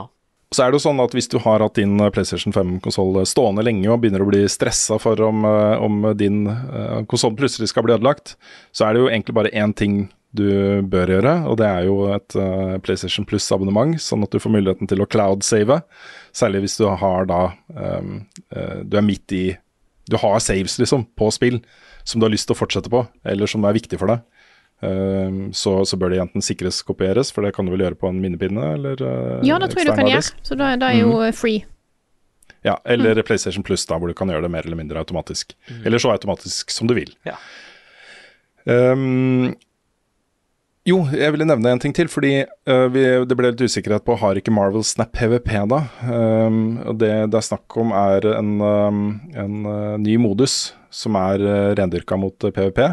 Hvor uh, uh, du istedenfor å um, uh, Hva heter det, wagering? Jeg leser fra The Verge her. Uh, vedde, altså legge Innsatsen er uh, cubes. Ja. Så vedder du nå med health. Okay. Så hver spiller starter da med ti helse, og på slutten av matchen så er den vinneren som har gjort mest skade på den helsen, er vinneren. Så det er litt sånn, litt sånn Smash Bros-aktig, kanskje. Ja. Uh, I sånn health depletion og sånne ting. Uh, Liv depletion. Så, så det er en egen dedikert PVP uh, battle mode som kommer, da. Hva er dines best, hvor var fredag sist? Har Carl egentlig sopp? Ukens spørsmål. I dag starter vi med et spørsmål fra Øyvind Stenvåg. Han skriver nå har det vært litt irregulær publisering av podkastepisoder på denne sida av nyttår, så spørsmålet må nesten bli hva er den nye ukeplanen til Level Up-redaksjonen? Og det stemmer. Den har vært litt eh, opp og ned. Den har vært litt eh, fram og tilbake igjen. Eh, det hender at vi flytter podkast-publiseringstidspunkt hvis vi har embargo og sånne ting, men vi har vel en litt mer fast plan framover, Rune? Ja, absolutt. Og det har vært litt, øhm, det har vært litt øhm, øh, fram og tilbake nå rett etter nyttår øh, av veldig naturlige grunner. Uh, Karl er sykmeldt. Vi har hatt litt sånn øhm, Du har vært syk, Nick. Um, så vi har måttet gjøre litt sånn hva skal vi si, midlertidige grep. Uh, denne uh, spilluka slash podkast-episoden hvor vi går gjennom spillåret 2023, spilte jo Carl og jeg inn i romjula. Uh, og, eller var det rett etter nyttår? Um, uansett, den har liksom ligget på vent litt, um, så, så, den kommer inn uh, som en greie der. Og vi har en konkret plan om å gjøre noen grep på podkasten uh, snart, kanskje allerede neste uke, som inkluderer uh, spilluka, som uh, at folk kan velge å høre den som podkast tidlig i uka, og den vanlige episoden på fredag. Vi kommer til å fortsette publiseringstidspunktet på liksom level backup. Eh, fredag klokka 06.00 på morgenen. Er, eh, den er godt etablert, og det, er, eh, det, kommer til å fortsette godt inn i 2023 og, og, og videre. Med unntak av disse tilfellene som Frida snakka om, da, hvor det er en eller annen sperrefrist eller, eller av, vi av andre grunner velger å publisere den en annen dag. Men stort sett så vil den komme på, på fredager. Det vi nok da vurderer, i hvert fall vi skal teste det ut, da, og så se på tilbakemeldinger og sånne ting, det er å ha eh, Hva skal man si en, en mindre omfattende nyhetsspalte.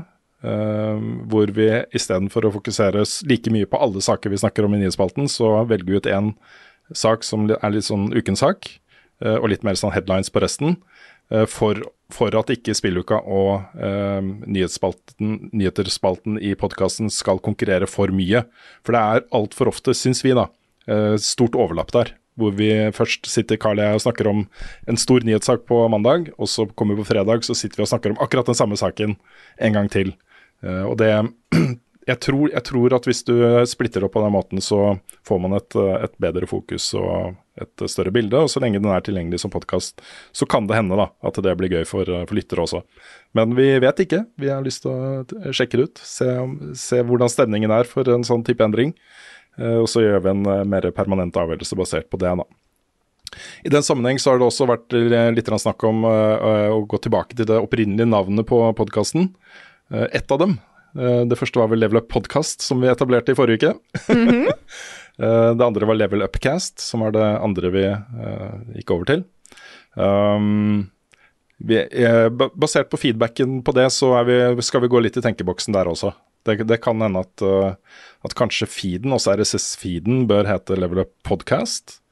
Uh, og så kommer da spilluka inn som en der, og så kommer Level Backup inn som en, f.eks. Det er en god mulighet. Så vi, vi skal tenke, tenke, oss litt mer om på akkurat den biten. Mm. Vi har fått med oss at folk uh, tror vi sier Level Up-kast, og det ja. Da kan vi unngå, helst. Mm. Mm. Vi kan den Level Up-gulp, så blir det litt mindre ja, der, det tror jeg der, det har man. Mm. Så uh, vi er tilbake i normalt gjeng igjen fra uh, i løpet av de nærmeste par-tre ukene, i hvert fall. Så um, da skal podkasten Og denne komme ut 06.00 fredag som vanlig. Det skal den også gjøre neste uke, etter, hvert, etter det jeg vet, i hvert fall. Mm. Så, så det, ja. Ingen grunn til bekymring for det, i hvert fall. Da tar jeg neste spørsmål. Dette mhm. har vi fått fra Mr. Fantastiske, altså Martin Herfjord. Eh, han spør har dere tips til middagsretter som er enkle å lage og smaker digg. Ja, har jeg. Eh, jeg Nå sitter jeg og noterer også, ja, for dette trenger jeg. Jeg vet ikke om jeg har anbefalt den før, men det er en av mine eh, retter som jeg går veldig ofte tilbake til. Har masse smak. er Enkel å lage, good shit. Eh, dette er oppskrift. Eh, hvis du googler 'Spicy sweet sambal pork noodles', så får du opp ei oppskrift fra eh, Bon Appetit. De har òg en video på den her. Den er knallgod. Det er en veldig, veldig god blanding av akkurat dette her. Spicy og sweet. Eh, det er en sånn Asian fusion-type greie. Det er pasta med, med eh, kjøttet av svin. Eh, som har eh, tomatpuré, sambal og elek, som er litt sånn spicy chili paste som du får på de fleste matbutikker nå. Du kan òg få det på asiatiske matvareforhandlere i nærheten av deg. Eh, litt basilikum, eh, soyasaus, eddik. Det er en knallblanding, og det er utrolig mye smak i det. Og det går veldig fort og krever veldig lite fancy ingredienser for å lage. Eh, så den, eh, tommel opp eh, fra meg.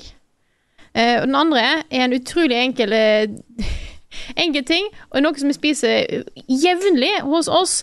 Det er òg fordi det har fisk. Det er vanskelig å få nok fisk inn i kostholdet til nordmenn, har det vist seg. Dette er fiskekake i pita med coleslaw. Knallgodt, knallenkelt. Eh, der er det godfisk.no som har ei god oppskrift. Der er det med en rødkålslå. Jeg kan bruke vanlig kål oppå i tillegg. Det er litt, eh, litt kålslå, det er litt agurk. Fiskekake i pitabrød. Det, det, blir ikke, det blir ikke bedre enn dette, altså.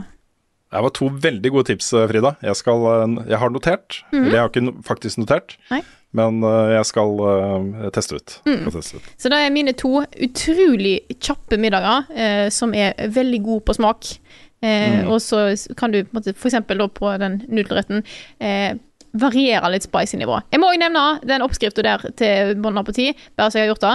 De amerikanske oppskrifter har så jæklig mye kjøtt i, i seg. Jeg skjønner ikke hvorfor du skal ha sånn to kilo kjøttdeig. Eh, halver To kilo?! Nei, det er to pounds er det. Det er én kilo kjøttdeig. Eh, men jeg syns det fortsatt er litt mye.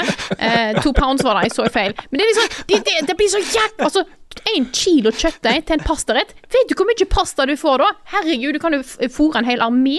Ja, det Eh, så, så, det er nok til 10-12 nordmenn, i hvert fall. ja, så halver eh, mengden eh, kjøttdeig, men eh, kan gjerne beholde mengden saus, er mitt tips. Mm. Eh, så, så vet du da. Da kan, kan det kan anbefales. Da har jeg gjort Dette med matlaging er jo en sånn evig eh, plage for, eh, for oss. Altså eh, småbarnsforeldre i tidsklemma og sånne ting. Og det blir så mye, det blir så mye av de samme gamle tingene, altså.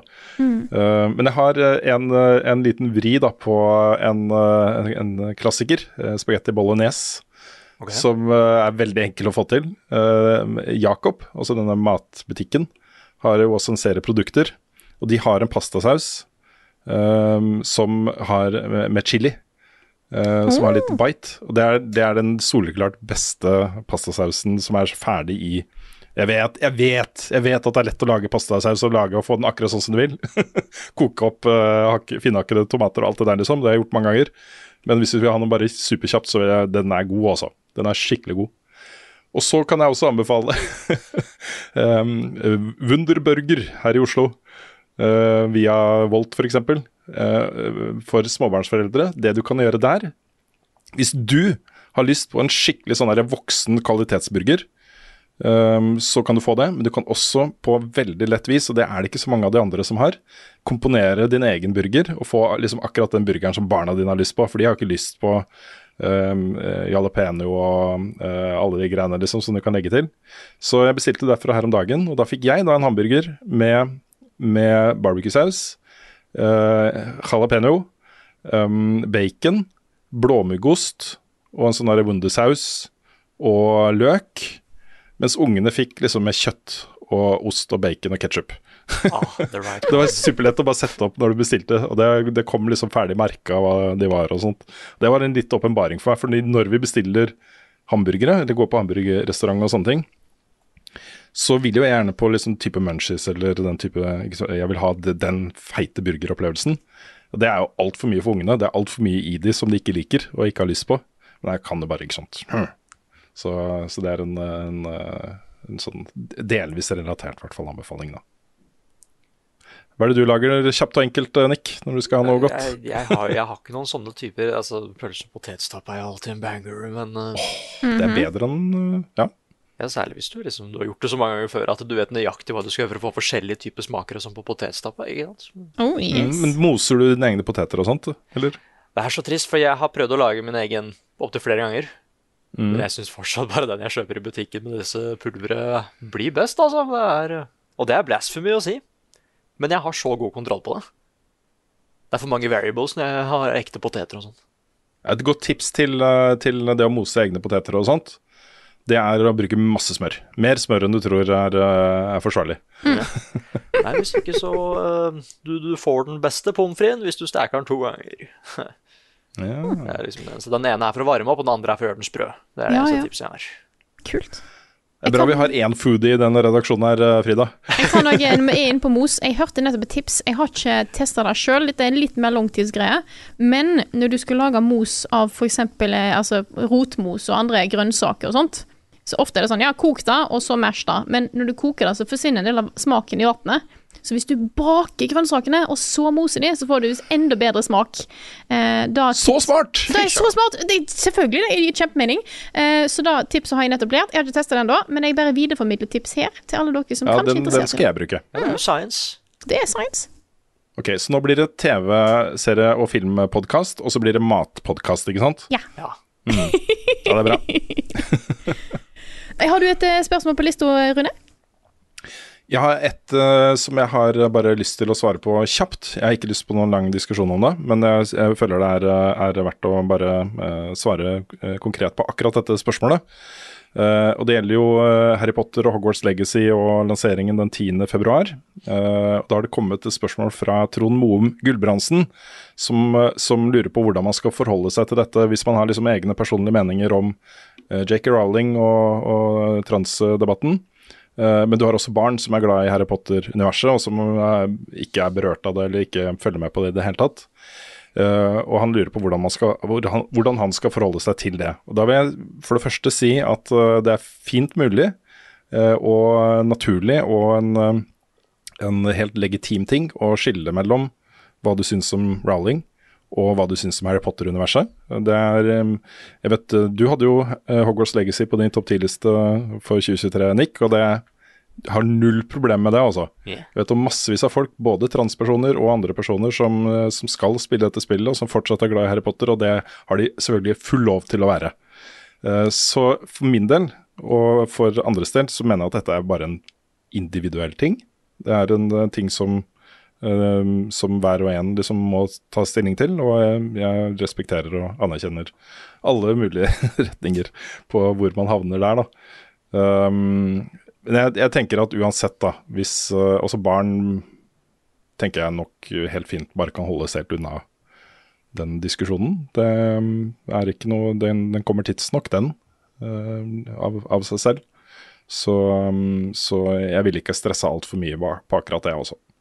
Er, eh, hvis, hvis barna dine har lyst til å, å, å spille Hogwarts Legacy, så har du i hvert fall min, min fulle tillatelse til å gjøre det. Eh, jeg kommer til å snakke mer om dette temaet eh, den 10. februar. Da skal jeg til Bergen på et arrangement på litteratur... Nei, litteraturhuset, ja. Spillhuset i Bergen. det, er, det er litteratur, en sånn litteraturgreie som er arrangør av arrangementet.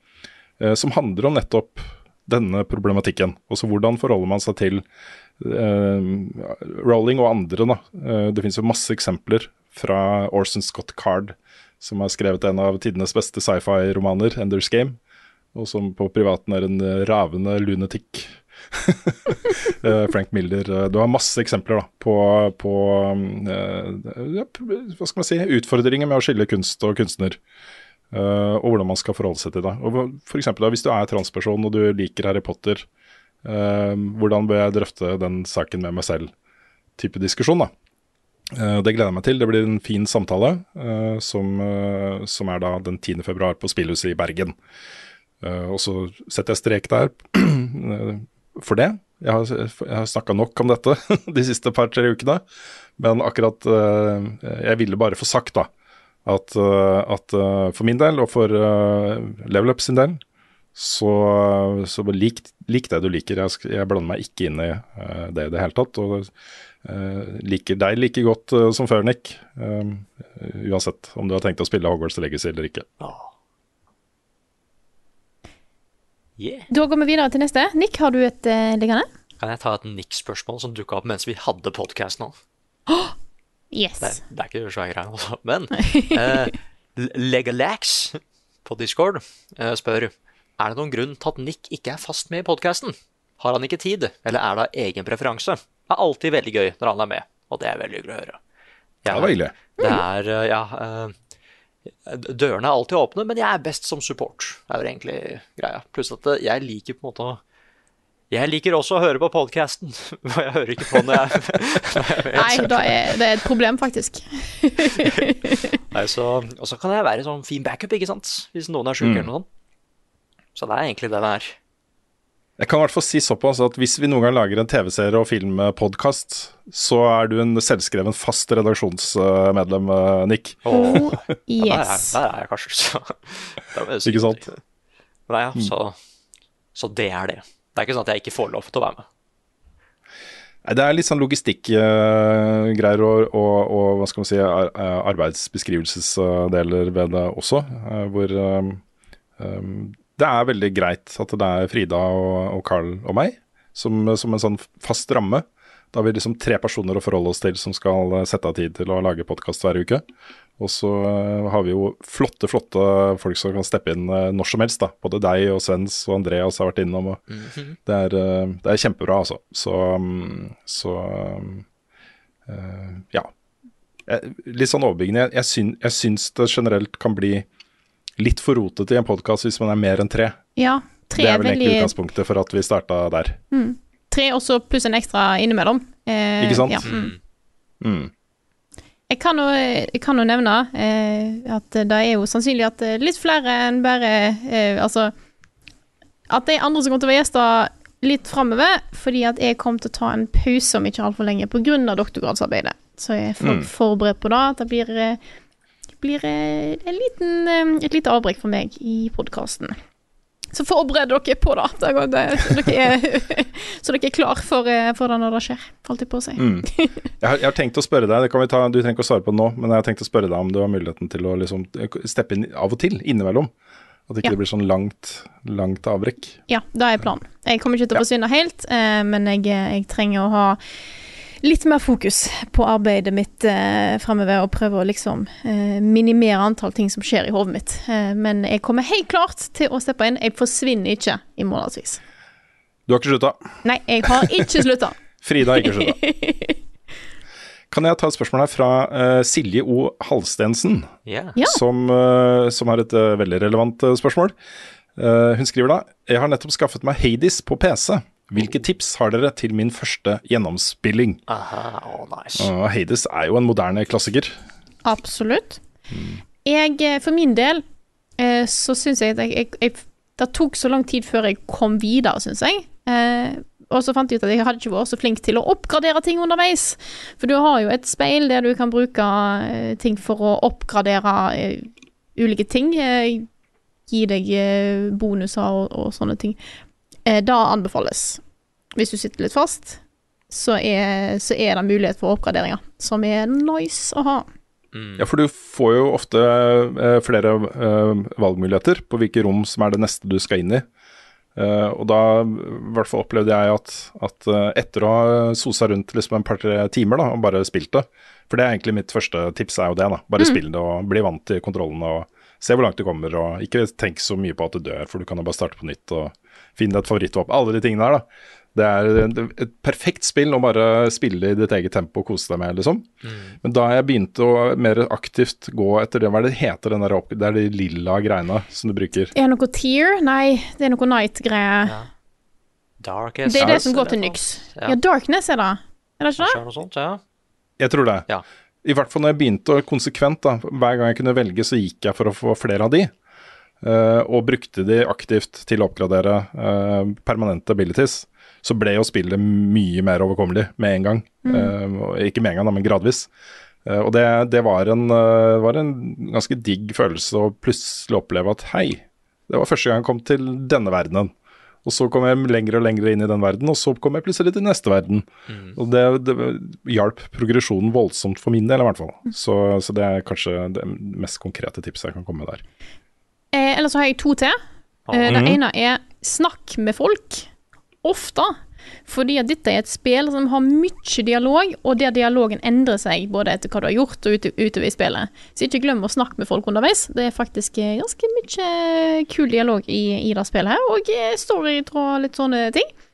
Eh, og prøv ut ulike våpen våpnene selv om du syns at uh, den ene tingen er på en måte ja, jeg, jeg har ikke så lyst til å bruke ei bua, eller så, sånn type ting. Prøv det, fordi at du får ganske mange kule uh, måter å slåss på uh, med de ulike våpnene, som blir ganske stilig. Og plutselig så Mm. finner en, finner en kombinasjoner som en liker bedre enn andre, eh, som en ikke er forberedt på. Så gå litt ut av komfortsonen og test ting.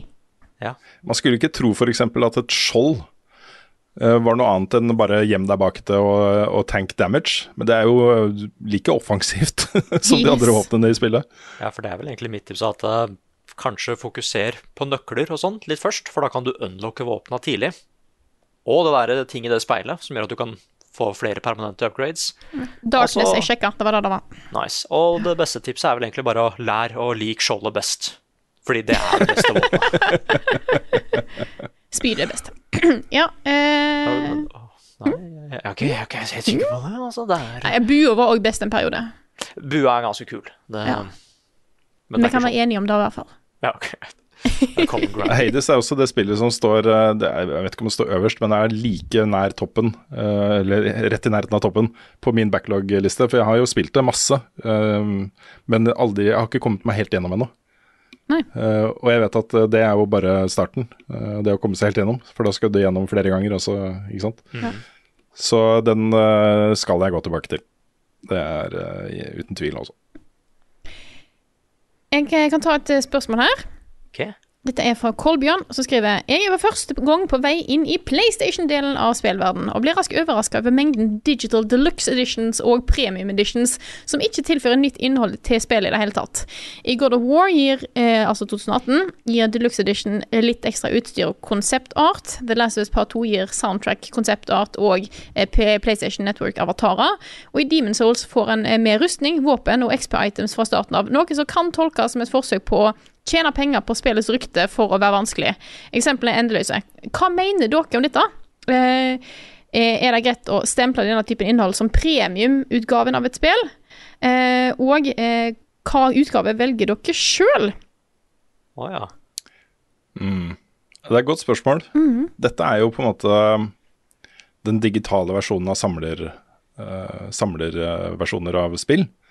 Hvor eh, man får med noe ekstra som, eh, som ikke er i på en måte grunnpakka.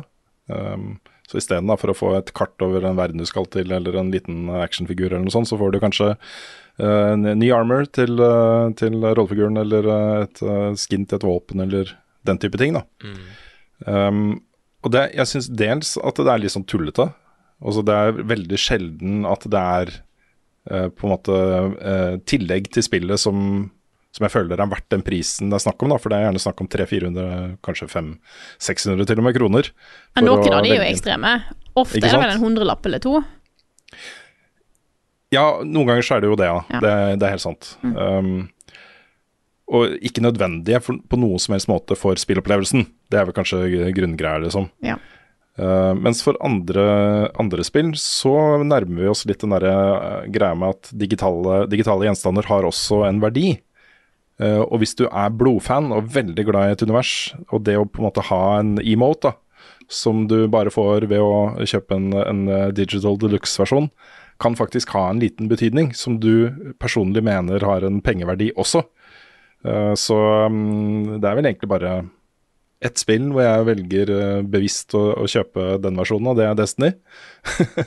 Når det kommer nye store delser til den. Uh, først og fremst fordi det inkluderer også um, season pass for hele året, da, som følger etter den utgivelsen. Uh, hvis, hvis det bare hadde vært det, så hadde jeg fortsatt kjøpt, kjøpt den versjonen.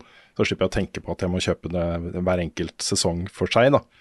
Um, men det er litt hyggelig at de andre greiene bare følger med, da, som en sånn tilleggsting. Jeg kjøper nesten aldri digital deluxe. Um, det hender når jeg kjøper spill eh, på Steam og sånt, at da hender det at jeg går for utgave med soundtrack, hvis jeg vet at soundtrack er bra. Mm. Eh, men det er fordi at jeg er veldig glad i å høre på soundtrack og liker å putte sånt på spillelistene mine. Men ellers går jeg veldig sjeldent for sånn eh, fancy utgave. Mm. Nei, er, Du, Nick? Jeg, jeg har jo vært i noen, svake øyeblikk da, med at det var et Dragon Ball-spill.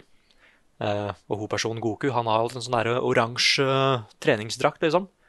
Det var Deluxe Edition hvor den var gul. Da måtte jeg skaffe, da måtte jeg skaffe den. Men ellers er det Jeg liker når soundtracket kan bli splitta opp i en deluxe-utgave. Men Petpiv, jeg hater når soundtracket ikke er tilgjengelig i spillet. På en lett måte, liksom. En juicebox eller et eller annet. Å ja, sånn, ja. Mhm. Ja, at det liksom Digga God of War Ragnarok, men kan jeg ikke bare ha noen muligheter å høre musikken i spillet? Du skal, du skal jo klippe en videoanmeldelse for pokker, du trenger den musikken. Det er akkurat Ja! det jeg skulle si! Fordi vi, vi, har, liksom, vi har fått eh, det, liksom, vi, skal, vi skal klare å rekke denne embargoen nå, ikke sant? Og hvor er musikken den? Det, det var bare flaks at det var mye av det som var gjemt i den credit uh, i rulleteksten, liksom. Men sånne Ja. ting irriterer meg, altså. Fordi liksom Ja, er musikken er lagd for det spillet, så da må, føler jeg at det bør være lettere, hvis du også har spillet, da, å høre på den. Men hvis du da ikke liksom har lyst til å spille, men du vil ha på musikken, så er det så fett at du kan få soundtracket. Mm. Jeg føler soundtracket burde følge med når vi får anmelderkopier. Ja, ja, Fordi ja, at jeg trenger den musikken til å putte inn i en video. ja, for Det alvorlig liksom, talt, ja. altså. Der har det vært mange sånne Jeg skal bruke en hel dag for å prøve å få til det soundtracket her fra spillet. Skru av alle lyder og sånn, og bare spille gjennom ting på nytt igjen for å få bare musikken, liksom. Det har skjedd flere ganger. Ellers er jeg veldig glad i å få sånne på PlayStation. Få sånne unike temaer og sånn fra Det føler jeg Ja. det er en kul ting. Så ja, Det er sant. litt eksklusive ting er stilige, men ikke noe som lett kunne vært i spillet, på en måte. Mm. Ja. Det er noen da som går litt uh, Litt for langt i, i negativ retning også. Uh, sånn som med uh, Modern Warfare 2 f.eks., hvor de jo fikk med sånne noen ekstra XB-boost-greier som du kunne aktivere. Det er sjukt nyttig, da. Sjukt nyttig. Det sparer deg for mange, mange mange timer med arbeid til, sammen. Eh, det vet jeg ikke helt om jeg syns er greit. Nei, og, og, jeg, og jeg hater den der med at du får spille én uke tidligere, eller noe sånt, av å skaffe Super Deluxe Edition. Ja, Det er jo samme Hogwarts også. Hvis du kjøper, forhåndskjøper Digital Deluxe Edition, så kan du spille tre dager før eh, lansering. Ah, det er, det er det, sånn syns jeg er skikkelig vemmelig. Du betaler bare ekstra for å få det et par dager før, liksom. Mm. Nei, Ja, det er litt dårlig gjort. Det er. Det er en utnyttelse av fans. Mm. Altså, det, sånn syns jeg ikke noe om. Mm. Har dere et siste spørsmål, eller? eh? Ja, jeg har Nå to, men det er mer kommentarer. Det er mer sånne eh, kommentarer. En er veldig kort. Mm -hmm. Det er fra Christian Francis Kvande, som spør bare Rune, Outer Wilds, når? Godt å høre Carl holde på da. Jeg må bare informere om at jeg var den første i Level Up-redaksjonen som spilte Outer Wilds, og snakka sjukt varmt om det i denne podkasten og i andre sammenhenger. Så ikke kom her og kom her, ass. ja, nei, det, er dels, det er DLC-en jeg ikke har spilt. Mm. Og Den står også der oppe sammen med Hades. Så- Nice. Mm. Mm. Det andre er en, en mer en tilbakemelding fra uh, Generics. Eh, det er vel på Discord. Som jeg skal, skrive, jeg skal lese hele spørsmålet. Hei, hører at dere gleder dere til PSVR2 og at VR endelig begynner å bli bra. Jeg synes dere gir uh, uh, Quest 2, altså Oculus slash Meta Quest 2, litt ufortjent tyn. Det stemte at du før måtte logge inn med Facebook. Dette er ikke lenger nødvendig. Nå kan du lage en bruker som virker uavhengig av din Facebook-konto. De er trådløse, har støtte for 120 hertz, og du kan spille på Steam med dem. Hvis du bare skal spille PC-VR og ikke trenger, trengte så mye intern lagring, så fikk du 64 GB utgaven av brillene på det laveste til 2990 kroner. Gi de en sjanse, da vel. Og det er øhm, øh, jeg, jeg, jeg ville lese det fordi jeg har, jeg har veldig negative følelser for at Meta er eier av Quest. eh, og er eh, veldig skeptisk til Metas fremtidsvisjon for våre digitale liv.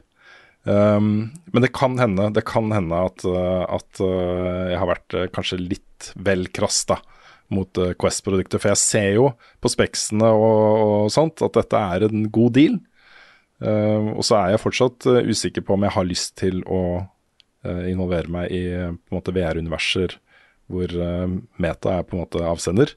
Men eh, eh, hvis det er så atskilt som Generics beskriver her, da, at du kan velge å bare være helt atskilt fra det, liksom, så er det i hvert fall ikke like ille som, eh, som jeg kanskje har gitt uttrykk for. da. Så jeg ville ha inn det perspektivet også.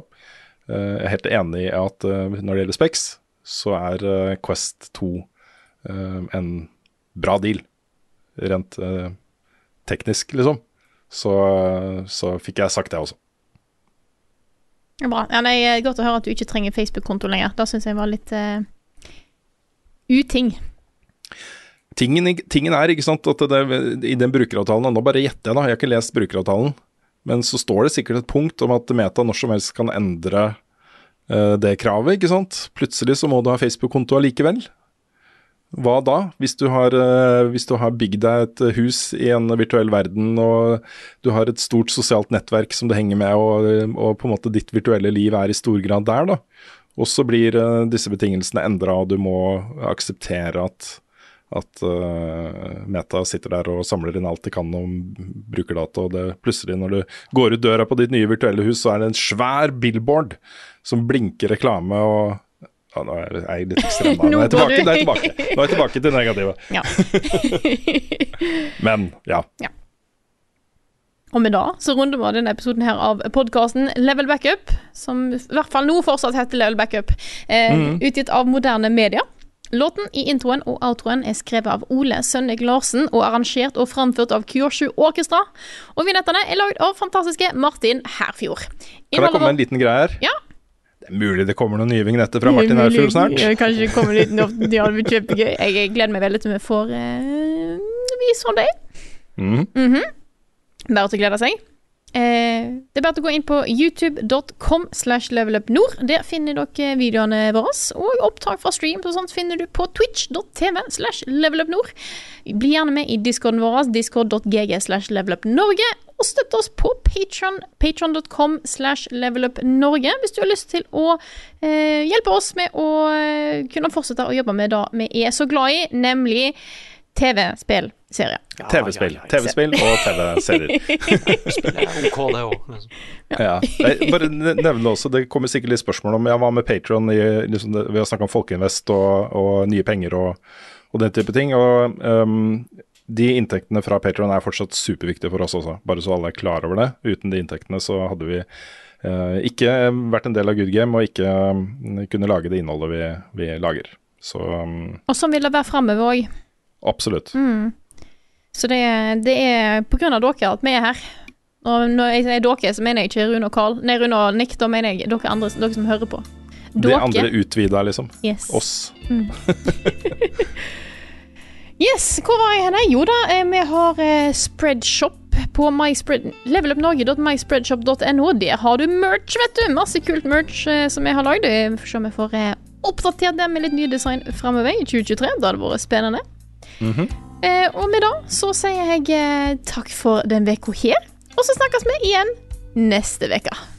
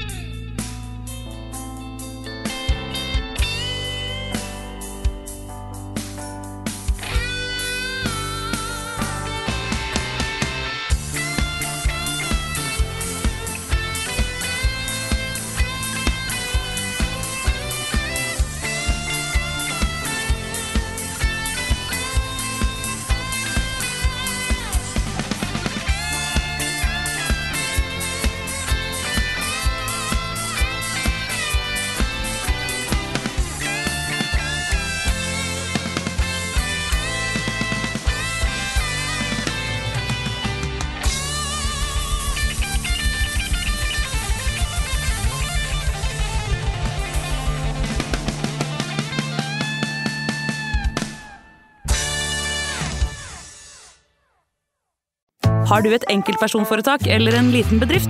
Da er du sikkert lei av å høre meg snakke om hvor enkelt det er med kvitteringer og bilag i fiken, så vi eh, gir oss her, vi. Fordi vi liker enkelt. Fiken superenkelt regnskap.